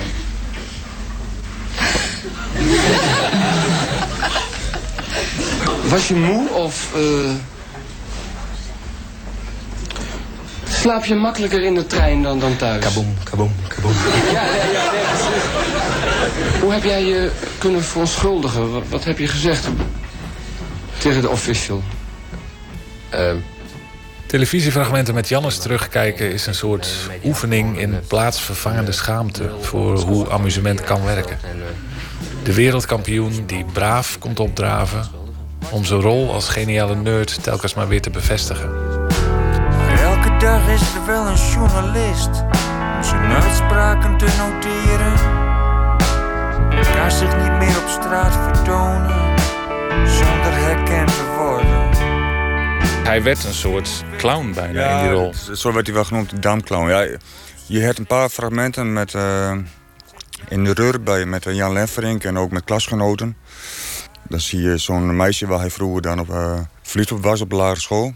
En die Koos Postema, die, uh, die zit dan natuurlijk een beetje lacherig uh, te doen. Van, en je, maar je, je, je, ziet dan Jannes een beetje echt zo'n ontzettend pijnlijk moment is dat. Zo echt een beetje wegduiken van misère bijna. Dat, en dat, dat is... en hij deed het zichzelf ook een beetje aan natuurlijk. Hij ging dan ook dammen met allemaal drankglaasjes op de dampvelden in plaats van dampstenen. Met, uh... maar ja, en dus hij, hij was altijd wel uh, dat hij zich daarvoor uh, leende. Maar dat is interessant. Heb je daar de vinger achter gekregen waarom hij dat deed? Ja, ik denk dat hij daar toch... hij had er heel weinig moeite mee. hij vond zichzelf ook echt een beroepsdammer. En hij, als hij ergens geld voor kreeg, dan beschouwde hij het gewoon... Daar heb ik ook recht op en dan ging hij daarop in. En hij had ook weinig moeite mee om zichzelf voor schutten laten zetten. Uh, maar tegelijkertijd zeg je van je ziet hem, je ziet hem in die talkshows ja, gewoon. Ja, dat, dat, dat vind ik er dan als kijker ook wel weer uh, soms een beetje vervelend. Dat ik denk van. Uh, nou, het is jammer dat hij dat. maar ja, het is ook wel weer heel, heel breekbaar en mooi ook wel weer. Het hij deed het voornamelijk volgens mij omdat hij geen uitkering had en hij, hij moest van het dame leven. En dan kreeg hij weer een paar honderd euro gulden voor zo'n tv-programma. En dan, ja, kon hij weer even een, week of twee leven of zoiets. Jannes wordt gedwongen opgenomen in een psychiatrische inrichting. Ze weten daar geen raad met hem. Na drie weken wordt hij vervroegd ontslagen. Op een herfstdag wordt Jannes gearresteerd. Op verdenking van aanranding van een jonge verkoopster in een snoepwinkel te Groningen. Vond je het lastig om iets te maken waarmee je hem recht zou doen? Uh, nee, op zich niet. Want ik ben, was wel heel goed ingevoerd. Ik had het verhaal aardig in mijn hoofd. Nou ja, daar, daar moet je de, dus die vorm vinden om het goed te doen. En uh, ja, een, een lied van 22 minuten is natuurlijk niet echt... Uh, dat gebeurt niet zo vaak. En het moet wel spannend blijven voor de luisteraar. Dat het zo lang was, had je ja. dat van tevoren in je hoofd? Of dacht je halverwege het schrijven van... ja, ja ik kan er niks aan doen, maar... Nee, klopt. Ik, ik, wilde wel dat het een beetje een, uh, een coherent verhaal werd. Die opeenvolgingen van uh, fasen in zijn leven, uh, ja, dat wil ik gewoon allemaal erin hebben. En, en dat, op zich is het ook wel te doen. Het zijn gewoon twaalf stroven. En na elke drie stroven heb je een stuk instrumentaal. Om een beetje tot rust te komen. En ja, een moment van bezinning misschien. En dan na die twaalf stroven heb je dan het outro met die climax ik luisterde en ik dacht, in wat voor traditie valt dit? Heb je daar zelf over nagedacht? Het, is, het valt bijna in een soort Amerikaanse eh, traditie. Ja, nou, ik heb wel een beetje gekeken naar, uh, naar, naar, naar, vroegere voorbeelden. Nou ja, je hebt natuurlijk uh, dat lied van, van Hurricane, van Bob Dylan of zoiets. Maar in, in Nederland zou ik het zo niet echt goed weten. En dus voor mij was het ook wel een mooi experiment. Maar ook het, het bezingen van je vaderlandse helden, zeg maar. Ja. Dat is niet zo onze traditie, toch? Nee, klopt. Ik ben, daar, uh, ik ben zelf uh, van, uh, van, het, van huis uit historicus. Ik heb geschiedenis gedaan. nou, ik dacht van, ja, dat is toch wel een heel mooie manier... om in een lied een soort biografie te schrijven. je hebt, kunt een boek schrijven of een essay, maar... in een lied heb je, komt dat dramatische gegeven misschien nog wel het mooist naar voren. als je het zingt, nou, dan komt het tot je nou, als een soort gezongen documentaire. En dat vind ik wel een, uh, wel een mooi medium.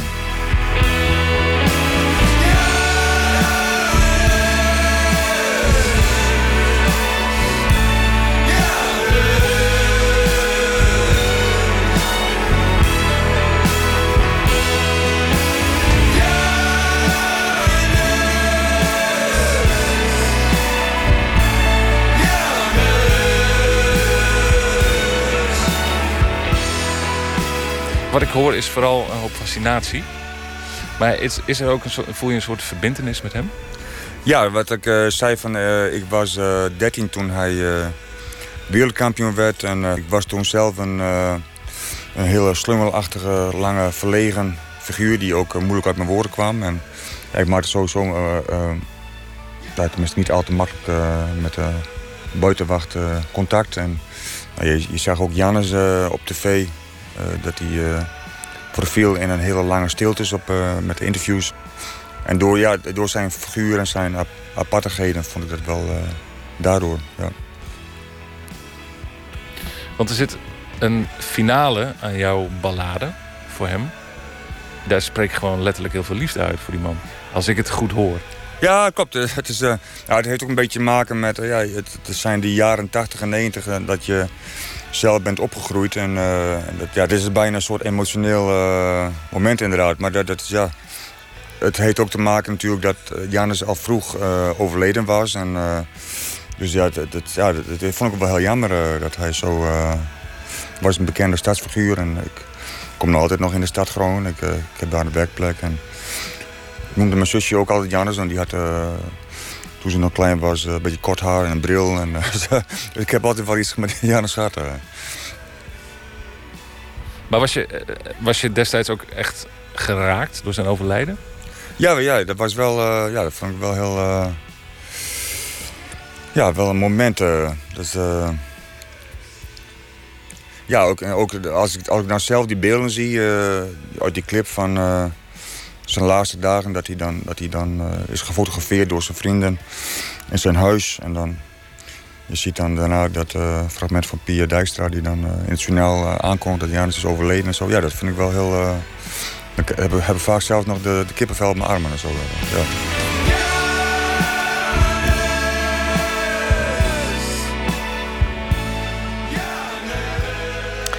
Meinder Talma speelt komend week tijdens zijn voorstelling Jannes van der Wal op Vlieland. Ook weer tijdens dat Into the Great Wide Open Festival. En de echte damliefhebber kan daarna meedoen aan een damsimultaan... met die andere Nederlandse kampioen Harm Wiersma. Een bijdrage van Jan-Paul de Bond was dat. Komt ook een eh, nieuw album aan van de Amerikaanse zangeres Joan Wasserman. Beter bekend als Joan as a Police Woman. En daarop klinkt ze anders dan voorheen. Meer eh, popgeoriënteerd en iets wat ritmischer. En dat is misschien wel omdat ze die plaat samen heeft gemaakt met Benjamin Lazar Davis. Ze staan eh, 30 november in Tivoli Vredenburg in Utrecht. En we gaan luisteren naar Let It Be You.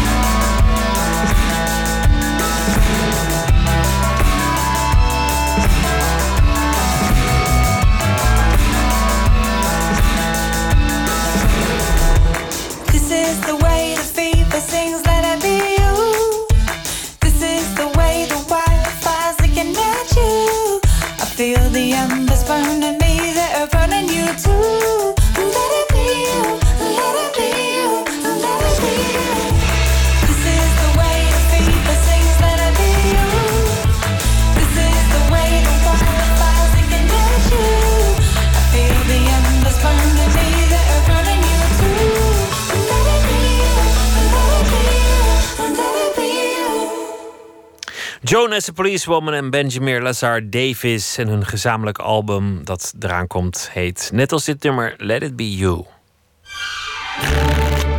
Open kaart. 150 vragen, op elke kaart staat een vraag. En de gast bepaalt zo mede zelf het gesprek door kaarten te trekken. En de gast is uh, Arjuet El Miloudi. Want hij heeft een uh, vierdelige reeks gemaakt voor de televisie. Kaaskop of mokro? Een vraag die hem al zijn hele leven bezighoudt. Het uh, opgroeien tussen twee culturen gaat het over. Hoe dat een ziel kan splijten. En hij doet het op een hele persoonlijke manier, die vraag stellen. En er proberen achter te komen wat hij nou eigenlijk meer is. Een kaaskop of een mokro? Arjuet, welkom. Ja, welkom. En de eerste vraag is meteen: heb je altijd zo'n mooi pak aan? Nou, tijdens het programma. Tijdens het programma wel, ja. Ik heb, ik heb meestal als ik aan het werk echt een, Je hebt echt een kostuum aan met een pantalon en nette schoenen en zo. Ja, helemaal netjes. Het is niet dat je net van je echte werk komt of zo. Nee, nee, ik heb, ik heb niet nog een baan erbij, helaas. Nee. Dit is gewoon echt. Dat, en dat voor de radio? Heel, nee, maar, nou, voor de radio voor zo laat. Want bijna niemand ziet je en dan doe je toch zo je best. Dat zegt heel veel over jou. Nou, ik, ik doe het eigenlijk ook een beetje omdat het dan, dat het dan toch een soort ontzag ook voor je, voor je werk is. Dat je, dat je dan nog, nog, weet je wat, dat je gewoon je pak aanhoudt en niet, niet je trainingsbroek. Dat zou niemand nou ja, merken. Dat, dat, dat, dat spreekt. voor, voor, je, voor je, echt. Mooi. Laten we het hebben over, over jou en over je, je serie. Eigenlijk heb je dit nooit gewild. Je, jezelf als Marokkaan profileren, je cultuur in de strijd gooien, daarover interviews geven. Je hebt het altijd een beetje in het publiek, althans, voor je gehouden. Ja, heel bewust. Ik begon eigenlijk op vrij jonge leeftijd bij de televisie. Ik was 19 toen ik op AT5 begon en al uh, 20, 21 toen ik bij de KRO in Hilversum begon. En uh, ik was nog best wel kwetsbaar en onzeker en jong en ook jong van geest. En ik, werd op die. Uh, maar ja, ik was aan de andere kant wel weer wijs genoeg om te beseffen dat ik jong van geest was. Uh, en ik werd op die, ja, die nog wel jonge en kwetsbare leeftijd. werd ik al uitgenodigd voor veel te ingewikkelde onderwerpen. Werd ik door de wereld draait doorgebeld om te, reageren op uh, het burgemeesterschap van Abu Taleb. Of werd ik gebeld om te reageren op Hans Spekman van de Partij van de Arbeid. die iets geroepen had over Marokkanen die je moet vernederen. Marokkaanse jongeren. En uh, jongens, ik dacht, hallo, ik kom net kijken. Ik zit nog achter de meiden aan. En, en dan moet je ineens over allerlei gewichtige kwesties in mening hebben. Ik moet ineens uh, politieke termen gaan uh, googlen en in het woordenboek opzoeken. Laten we met rust, man. Dus het was in eerste instantie dat ik daar ook zelf ook echt van vond dat ik er nog niet klaar voor was. En daarnaast... Uh, leeft er bij mij ook een, een, een best wel grote irritatie slash frustratie door het, door het feit dat ik ja. Uh, dat er gepoogd werd mij te bestempelen als een soort van Marokkanen-expert. En dat, dat, dat, ja, dat frustreerde. Het begon al bij AT5, want ik werkte daar dan op de redactie. Uh, of, of ik presenteerde een, kinderprogramma. En dan kwamen die jongens, uh, die snelle jongens van het AT5 Nieuws. Die, uh, ja, die snelle grachtengordel-types, die kwamen dan... Uh, hey, Ashwets, heb jij nog een Marokkaantje voor ons? Want we gaan een item maken over... En dat, dat vond ik zo beledigend. En dat vond ik zo... zo, zo uh, ja, dat, raakte me echt, weet je. Ik denk, ik ben veel meer dan dat. Heb je ooit het gevoel gehad dat je moest kiezen? Om, omdat je aan de ene kant makkelijk het verwijt kan krijgen... dat je een soort bounty bent... He, dus zoals dat, dat is in andere kringen dat het zo wordt genoemd, maar dat je je te veel aanpast aan de ene groep of te veel aan de andere groep, of, of dat je in allerlei conflicten een, een mening moet hebben. Is het een persoonlijk dilemma dat je moet kiezen tussen kaaskop of mokro? Ja, dit is een persoonlijk dilemma. Omdat je dus op een gegeven moment die balans op gaat maken van wat ben ik nou het meest. En inderdaad, van word ik. Uh, omdat ik ook best wel voor een Marokkaan een best wel licht uiterlijk heb, uh, gingen bijvoorbeeld heel veel Marokkaanse mensen er in het begin van uit: oh, die is vast verkaasd. Want hij Verkaasd. ja, die, die, is vast een kaaskop. En, en, en, en andersom ben je met, met zo'n ingewikkelde naam in Hilversum. Uh, ze, kunnen, ze konden in het begin mijn naam amper uitspreken. Dus dan, dan heb je al zoiets van: oh, jij bent anders, weet je wel. Dus het was altijd een soort van zoektocht naar: uh, oké, volgens hem ben ik dit en volgens haar ben ik dat, maar wat ben ik nou? En waar moet ik bij horen? Je doet het op een persoonlijke manier. Ik vond een van de mooiste ja. scènes uit de eerste aflevering dat je met je vader gaat praten. En dat je allerlei taboes te berden brengt waarvan jij dacht dat die bestonden. En jouw vader laat eigenlijk een beetje lacherig op camera blijken. Dat dat voor hem Ja. helemaal niet belangrijk is. Of jij met een Marokkaanse of een Hollandse vrouw trouwt later. Hij, hij zegt, ja, volg de weg van je hart. Het, het, het zal Ja. me wat. Ja, het zeggen in het Engels ook wel eens... assumption is the fuck-up of all fuck-ups. Ik, eh, eh, mijn assumption, ik, ik ging ervan uit dat mijn vader... dat het een taboe was om met mijn vader te spreken over liefde. En dat het een taboe was om met een Nederlandse vrouw thuis te komen. Want dat is iets wat, ja, dat is een, bepaalde, bepaald beeld, een sociale druk... die ik, wat, wat, wat- die ik heb geïnterpreteerd binnen de gemeenschap... Ehm, ja, eh, maar binnen ons gezin blijkbaar heb ik dat blijkbaar verkeerd. Want mijn vader. Kijk, nou wist ik wel dat mijn vader een vrij open-minded man is. Ehm, maar eh, ik vond het toch altijd te eng en te spannend om dan ook echt over. En, dat, en dan nu met een camera erbij. Dat, is- dat is dubbel spannend. Misschien wel ja, drie mis- misschien, misschien juist nu wel, omdat er een camera bij is. Eh, misschien maakt het dat het juist makkelijker. Laten we beginnen met de kaarten. Anders vergeten we dat helemaal. Wil, je- wil je er een trekken? Wat is je dierbaarste bezit? Trek ik. Vertel. Eh, nou ja, ik moet. Daar had ik laatst toevallig met vrienden over. Ik ben niet iemand die. eh, ik geef niet heel erg om eh, materialen, zeg maar. Dus ik, ik, eh, ja, ik kan dat wereldse zaken kan ik best wel goed loslaten. Wat is mijn dierbaarste bezit dan? Ja, dat is toch wel mijn familie. Of is dat te zoetsappig? Ja, ik weet niet of het echt bezit is, maar, maar ik vind het wel mooi. Nou ja, wa- wat is dan wel bezit? Ja, dat weet ik ook Je niet. schoenen? Je schoenen zijn misschien ja, maar wel dat je is, dan bezit. toch, dat is dan toch geen bijzonder antwoord. Nee, ook niet. Trek nog een kaart als je wil. Oké. Waarom laat je iemand vallen? Oh, sorry. Wanneer laat je iemand vallen? Ja, wanneer zeg je het is mooi geweest? Ja, als iemand me naait. Als iemand, eh, ik, eh, ja, Als iemand geen woord houdt. als iemand geen woord houdt, ja. Als iemand eh, streken heeft. Als iemand vals is. Als iemand niet loyaal is. Wat voor streken denk je dan aan? Wat, wat heb je meegemaakt op dat vlak? Ehm, ja, dat je toch, dat je toch ehm, teleurgesteld wordt door mensen. Dat, je, dat, dat beloftes niet worden nagekomen. Of dat je, dat je iemand hoger hebt ingeschat dan iemand misschien daadwerkelijk is. En ehm, ja, wij noemen dat dan eh, op zijn straat eh, zigzag. Zodra iemand zigzag gedrag vertoont, dus niet straight is, dan, eh, dan laat ik iemand vallen. Laten we er nog geen doen. Oké, even kijken. Nooit meer slapen staat op de achterkant. Ja, zo heet het programma. Ja, klopt. Geloof je in de toekomst? Vind ik wel een mooie vraag. Geloof je in de toekomst? Ehm, in welk opzicht? Nou, laten we het hebben over, over optimisme. Als je het hebt over dit soort dingen, hè, van, van eh, eh, kaaskop of mokro, dan, dan begin ik wel eens te zuchten, omdat we, dat we al zoveel generaties verder zijn. Mhm. En, en dat het er nog steeds elke dag zo'n beetje over gaat in, in, in het nieuws. Problemen met, met wat dan heet nieuwe groepen. Denk, hoe, hoe lang kan het eigenlijk duren? Terwijl twintig jaar geleden kan ik me herinneren... er een enorm optimisme heerste. Van nou ja, geef het wat tijd en eh, zie hoe goed het allemaal komt.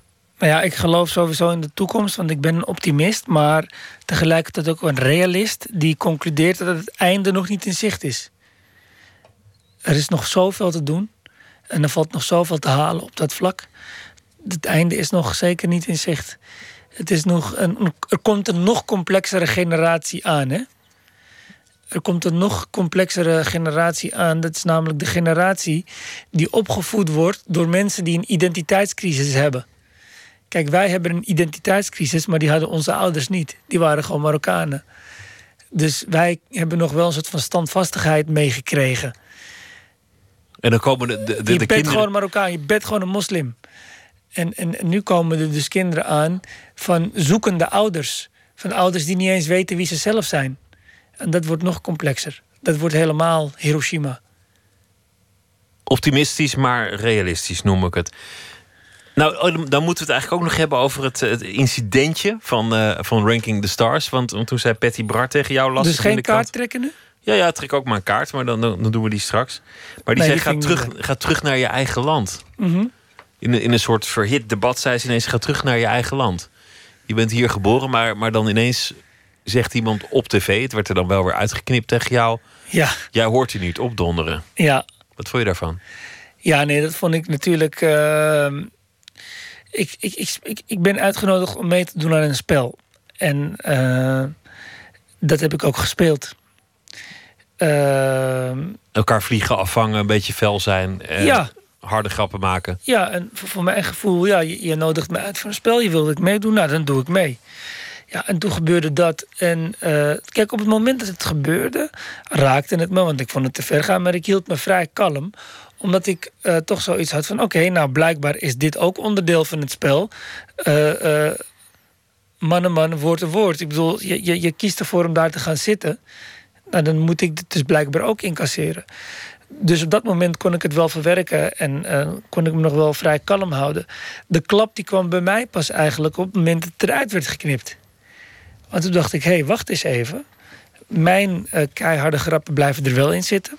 Dus ik word wel gezien als iemand die eh, loopt te jennen en te fucken Die uitdeelt. uitdeelt. Maar eh, op het moment dat ik eh, een oorwassing krijg, wordt dat overgeslagen of eruit geknipt. En daarnaast is het natuurlijk ook wel weer een, een opmerking die, ja, die, die, die, die heel veelzeggend is. En als je het hebt over het optimisme waar we het net over hadden, over de toekomst. Ja, als anno 2016 iemand op de nationale televisie nog in staat is om zoiets te roepen tegen een medelander dan, eh, dan, dan is dat. eh, dan moet die kaart van net, denk ik, maar heel snel weer terugstoppen. Ja, en dan is BNN een zigzag in straattaal. Dat zit Hey. eruit knippen. Trek, nog, trek nog een kaart als je wil. Dat vond ik echt een leuke van je. Wie, wie, Oké, dat was een hele stomme vraag. Oké, even een leuke. hey, dit is een hele diepe. Die is voor de intellectuele gasten, maar ik ga hem ook beantwoorden. Even kijken. Wat is belangrijker, inspiratie of transpiratie? Aha, benenwerk of, eh, of het hoofd? Ehm, Een goed idee of hard buffelen? ja. Een goed idee even hard buffelen. Ja. Het is zo, makkelijk om te zeggen, een, een combinatie van. Maar dat is eigenlijk wel waar het op, eh, op neerkomt. Met een goed idee alleen kom je nergens. En met hard werken alleen ook niet. En deze serie, want dit was een goed idee. Maar, maar het is in praktijk ook gewoon een kwestie geweest van niet opgeven. Ja, dit, dit- dit, was eigenlijk wel een combinatie van beide. Want het was, aan de ene kant was het, was het inderdaad een goed idee... en was het op de tekentafel altijd dat, eh, dat de eindredacteuren zeiden... van ja, dit moeten we gaan doen, want dit speelt nu... en dit is actueel en dit, is, dit klinkt heel persoonlijk. Eh, en aan de andere kant was het niet makkelijk om het uit te voeren. Het was ontzettend moeilijk. Eh, vandaag in de Volkskrant ook geroepen dat ik, dat ik wel vijf keer zoiets heb gehad van ik kap ermee. En eh Cas de regisseur, heeft me daar echt doorheen getrokken. Want er waren echt momenten dat ik dacht, waarom heb ik dit eigenlijk gedaan? Waarom ga ik no Waarom ga ik met mijn vader praten over liefde en over meisjes? Ik ben gek geworden, wat doe ik nou? En dat jezelf er doorheen trekken en overheen stappen. Dat was wel transpiratie hoor. En was je bang voor de reacties? Want het, het is zo'n gevoelig debat aan, aan beide kanten.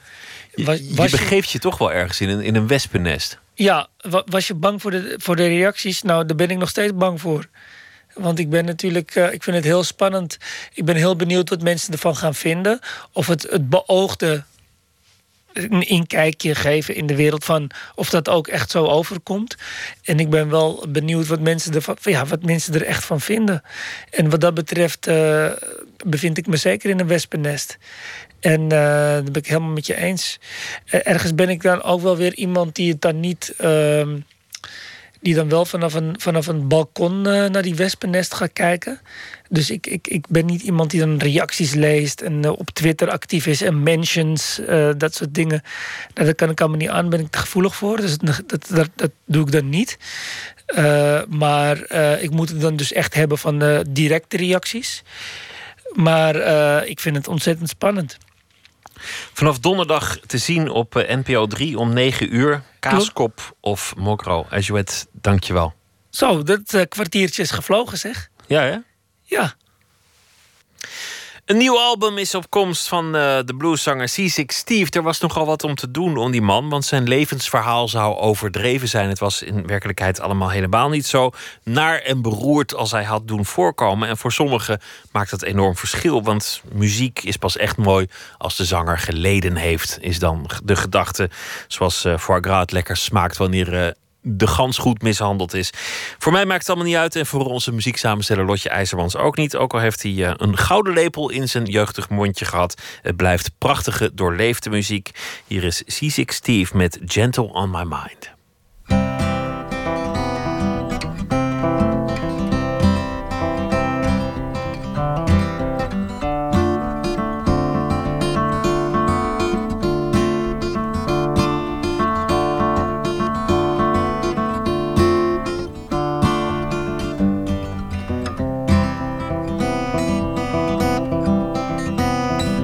Knowing that your door is always open and your paths are free to walk. That makes me tend to leave my sleeping bag rolled up and stashed behind your couch. It's knowing I'm not shackled by forgotten words or bones, some ink stains that have dried up on some line. That keeps you on the back roads by the rivers of my memory. Keeps you ever gentle on my mind. It's not clinging to the rocks and ivy planted on the columns now that binds me. Or something that somebody said cause I thought we fit together walking. It's knowing that your world will not be cursing or forgiven when I walk along some railroad track and find that you're waving from the back roads by the rivers of my memory, ever smiling, ever gentle on my mind. Though the wheat fields and the clotheslines and the junkyards and the highways come between us. Some other woman crying to her mother cause she turned and I was gone. I still run in silence, tears of joy might stain my face and the summer sun might burn me till I'm blind. Ah, but not to where I cannot see you walking on the back roads by the river's flowing gentle on my mind. I dip my cup of soup back from the gurgling, crackling cardamom in some train yard. My beard a rough and coal pile and a dirty head pulled low across my face. Through cupped hands and a round tin can, I pretend to hold you to my breast and find that you're waving from the back roads by the rivers of my memory, ever smiling, ever gentle on my mind. That you're waving from the back roads by the rivers of my memory, ever smiling, ever gentle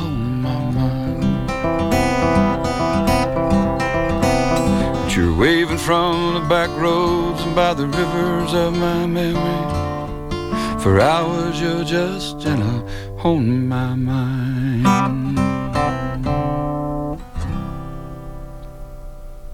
Van het uh, nog te verschijnen album Keeping the Horse Between Me and the Ground. Seasick Steve was dat met een nummer dat oorspronkelijk was van John Hartford uit 1967, Gentle on My Mind.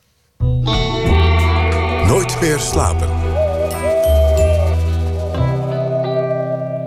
Het begin, beginnen. Voor sommigen is het iets om eh, nooit helemaal aan te beginnen. Voor anderen het moment van eindeloze mogelijkheden. Deze week start het nieuwe culturele seizoen. Daarom een serie met als thema het grote beginnen.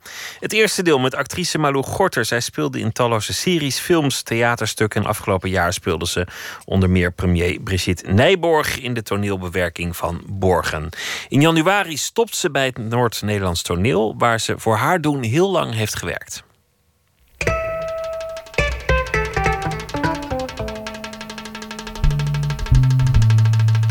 Ik heb het wel eens dat ik zo vlak voor de première... dan realiseer ik me ineens, dit gaat het ongeveer zijn. Je, je begint, je stelt je van alles voor. De wereld is, is heel groot nog. Je fantasie is heel ruim over wat je personage kan doen aan tics of aan kleding of aan gedachtes of aan accenten eh, eventueel. Nou, en dan op een gegeven moment naar de, naar de première toe is er ineens een moment dat ik me realiseer... oh, maar dit is het dus geworden. En dat is altijd veel kleiner. Dat is altijd even een soort uh, rouwprocesje. Want het is altijd veel kleiner dan, dan die grote fantasiewereld die ik had toen het begon. Maar die, die grote fantasiewereld moet je dus hebben. Dat, dus, dus dat begin is heel belangrijk. Ja. Alle voorstellingen die je doet... en ook alle film- en televisiedingen... het is allemaal iets nieuws eigenlijk. Ja, dat vind ik heerlijk, ja. Vroeger, toen ik op de lagere school zat en op de middelbare school ook, was ik heel snel verveeld.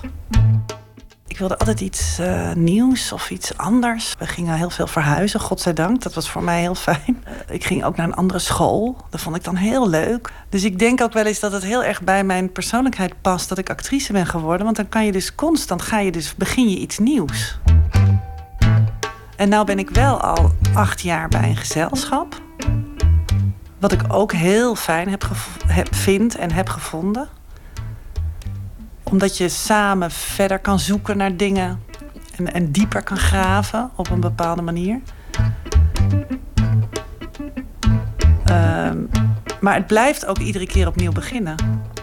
Dus nu het stopt in januari, ik vind het ook heel leuk. Ik vind ook het idee dat ik dan weer met andere mensen ga werken... Die ik, waar ik nog niet mee heb gewerkt. Vind ik alleen maar heel leuk. Ja. Verandering is voor heel veel mensen lastig, merk ik. Er wordt hier nu een heel hoog, eh, vlak naast mijn woning... heel hoog uh, hotel gebouwd. En iedereen om mij heen zegt, nou, uh, dat wordt maar hoog. En dat, dat, dat, uh, dat, dan is mijn uitzicht kwijt of weet ik het wat. Dat valt wel mee, dat uitzicht, maar vind ik. Maar ik vind het ook leuk. Dat is toch ook te gek dat een stad verandert. En uh, stad moet toch ook veranderen. Dus jij springt gewoon. Je gaat aan aan de rand staan en dan spring je. Zo zie ik het nu een beetje voor me. Uh, nou, ik denk wel dat ik een sterke intuïtie heb. Je kan natuurlijk van alles maken. Maar ik vind het wel erg belangrijk dat, dat de gedachte die eraan ten grondslag ligt, dat dat een hele doordachte en noodzakelijke motivatie heeft. En dat het ergens over gaat. Als ik eenmaal voel dus dat die noodzaak er is, dan stap ik er heel makkelijk in. En dan ben ik ook iemand die vrij positief en hoopvol uh, is. Dus dan ga ik ook tot, tot het laatst toe door. En dan geloof ik heel lang. Ik ben niet heel sceptisch iemand. Ik weet dat mijn vader dat ook had. Die, is, die leeft al heel lang niet meer, dus ik, ik weet dat vooral uit verhalen.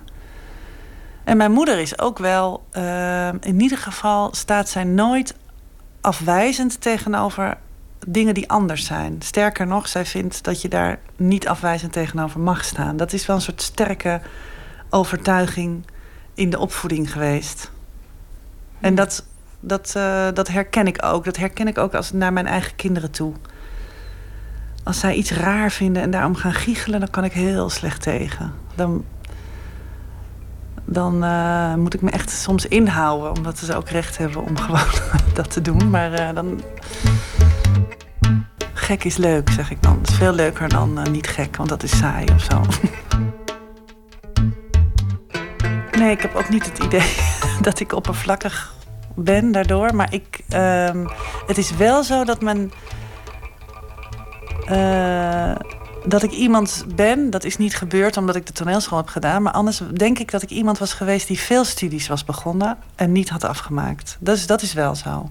Maar dat is ook weer zo leuk aan theater. Want in theater maak je bijvoorbeeld een voorstelling over eh, dat vrouwen hun kinderen doden. Dat is niet zo leuk, maar het, de research daarnaar is heel interessant. En heel verrijkend om eh, met mensen te spreken en om daar diep in te duiken. En dan, dan wil ik ook daar boeken over lezen. En, eh, nou, en dan ben je zes weken verder en dan is de première. En dan, eh, dan liggen al die boeken in de kast. Dan ga ik niet daar nog eindeloos in door. Dat hoeft ook niet. Maar zoals mensen hun hele leven een studie maken van iets, dat ja, wel van, van, van toneelspelen. Dat wel. Dat is wel mijn studie. Mijn, mijn levens, levenlange, levenslange studie.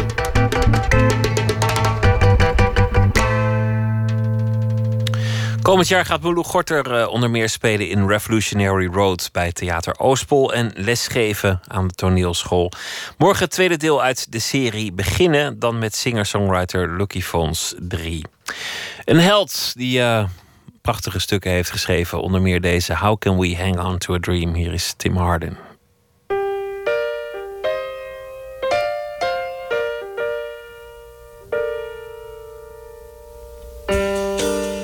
What can I say? She's a walking away from what we've seen. What can I do? Still loving you. It's all a dream. How can we hang on to a dream? How can it really be the way it seems? What can I do? She's saying we're through with how it was. What will I try? I still don't see why says what she does. How can we hang on to a dream? How can it really be the way it seems?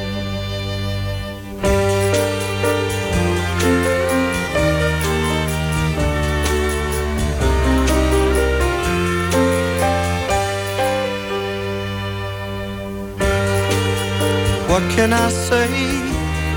She's walking away from what we've seen. What can I do? Still loving you.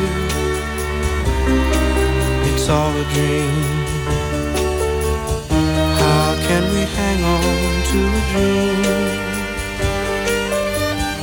How can it really be the way it seems? How can we hang on to a dream? Tim Hardin, How Can We Hang On To A Dream? We eindigen met gedichten van Ingmar Heitse deze week. In 1997 gedebuteerd met De Allesvrezer. Daarna nog vele dichtbundels gemaakt. Drie dagboeken ook nog en een bundel miniaturen. Eerder dit jaar een verzamelbundel voor de liefste onbekende... met bijna al zijn gedichten. Hij zal elke dag een gedicht uitkiezen en toelichten in dit eh, programma.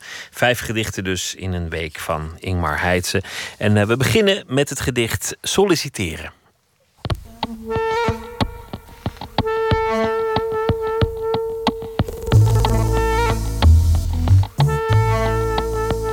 Solliciteren. Nog nooit zo tergend opgegeten als tijdens dit gesprek door een driedelig gedaste bidsprinkhaan. Woorden stuiten op tafel, knikkers vallen op een glasplaat. Hij neemt slokken van mijn levensloop en boert onaangedaan. Hij rolt mij in, hij steekt mij aan en rookt mij op. Dan mag ik gaan. Later belt men mijn stoffelijk overschot. Ik heb de baan. Ik denk dat ik een jaar of eh 21, 22 was.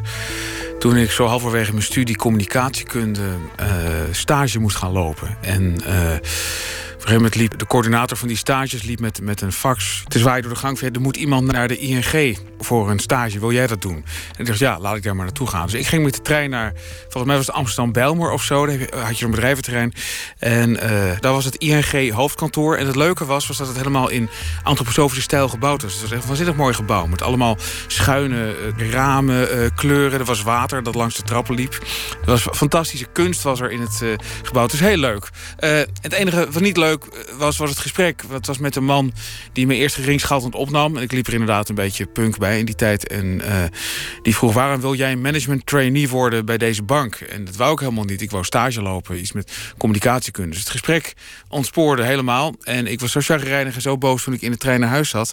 dat ik het gedicht solliciteren eigenlijk in één ruk gemaakt heb. En het was ook zo'n beetje klaar toen ik uh, nou, ter hoogte van Maarsen was. Dus bijna weer thuis. Dus zo is dat gedicht ontstaan in een, in een nogal boos half uurtje.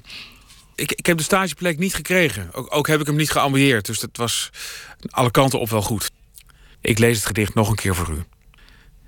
Solliciteren. Nog nooit zo tergend opgegeten als tijdens dit gesprek door een driedelig gedaste bitsprinkhaan.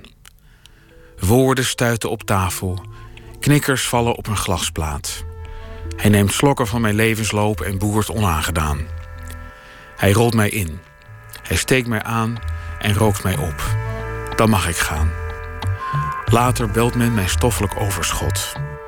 Ik heb de baan.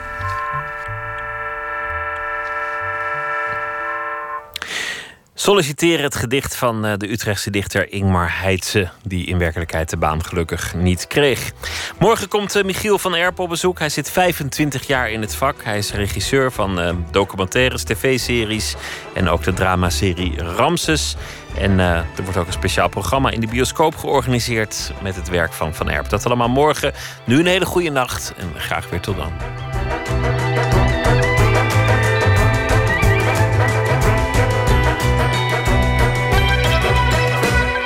Op Radio 1, het nieuws van alle kanten.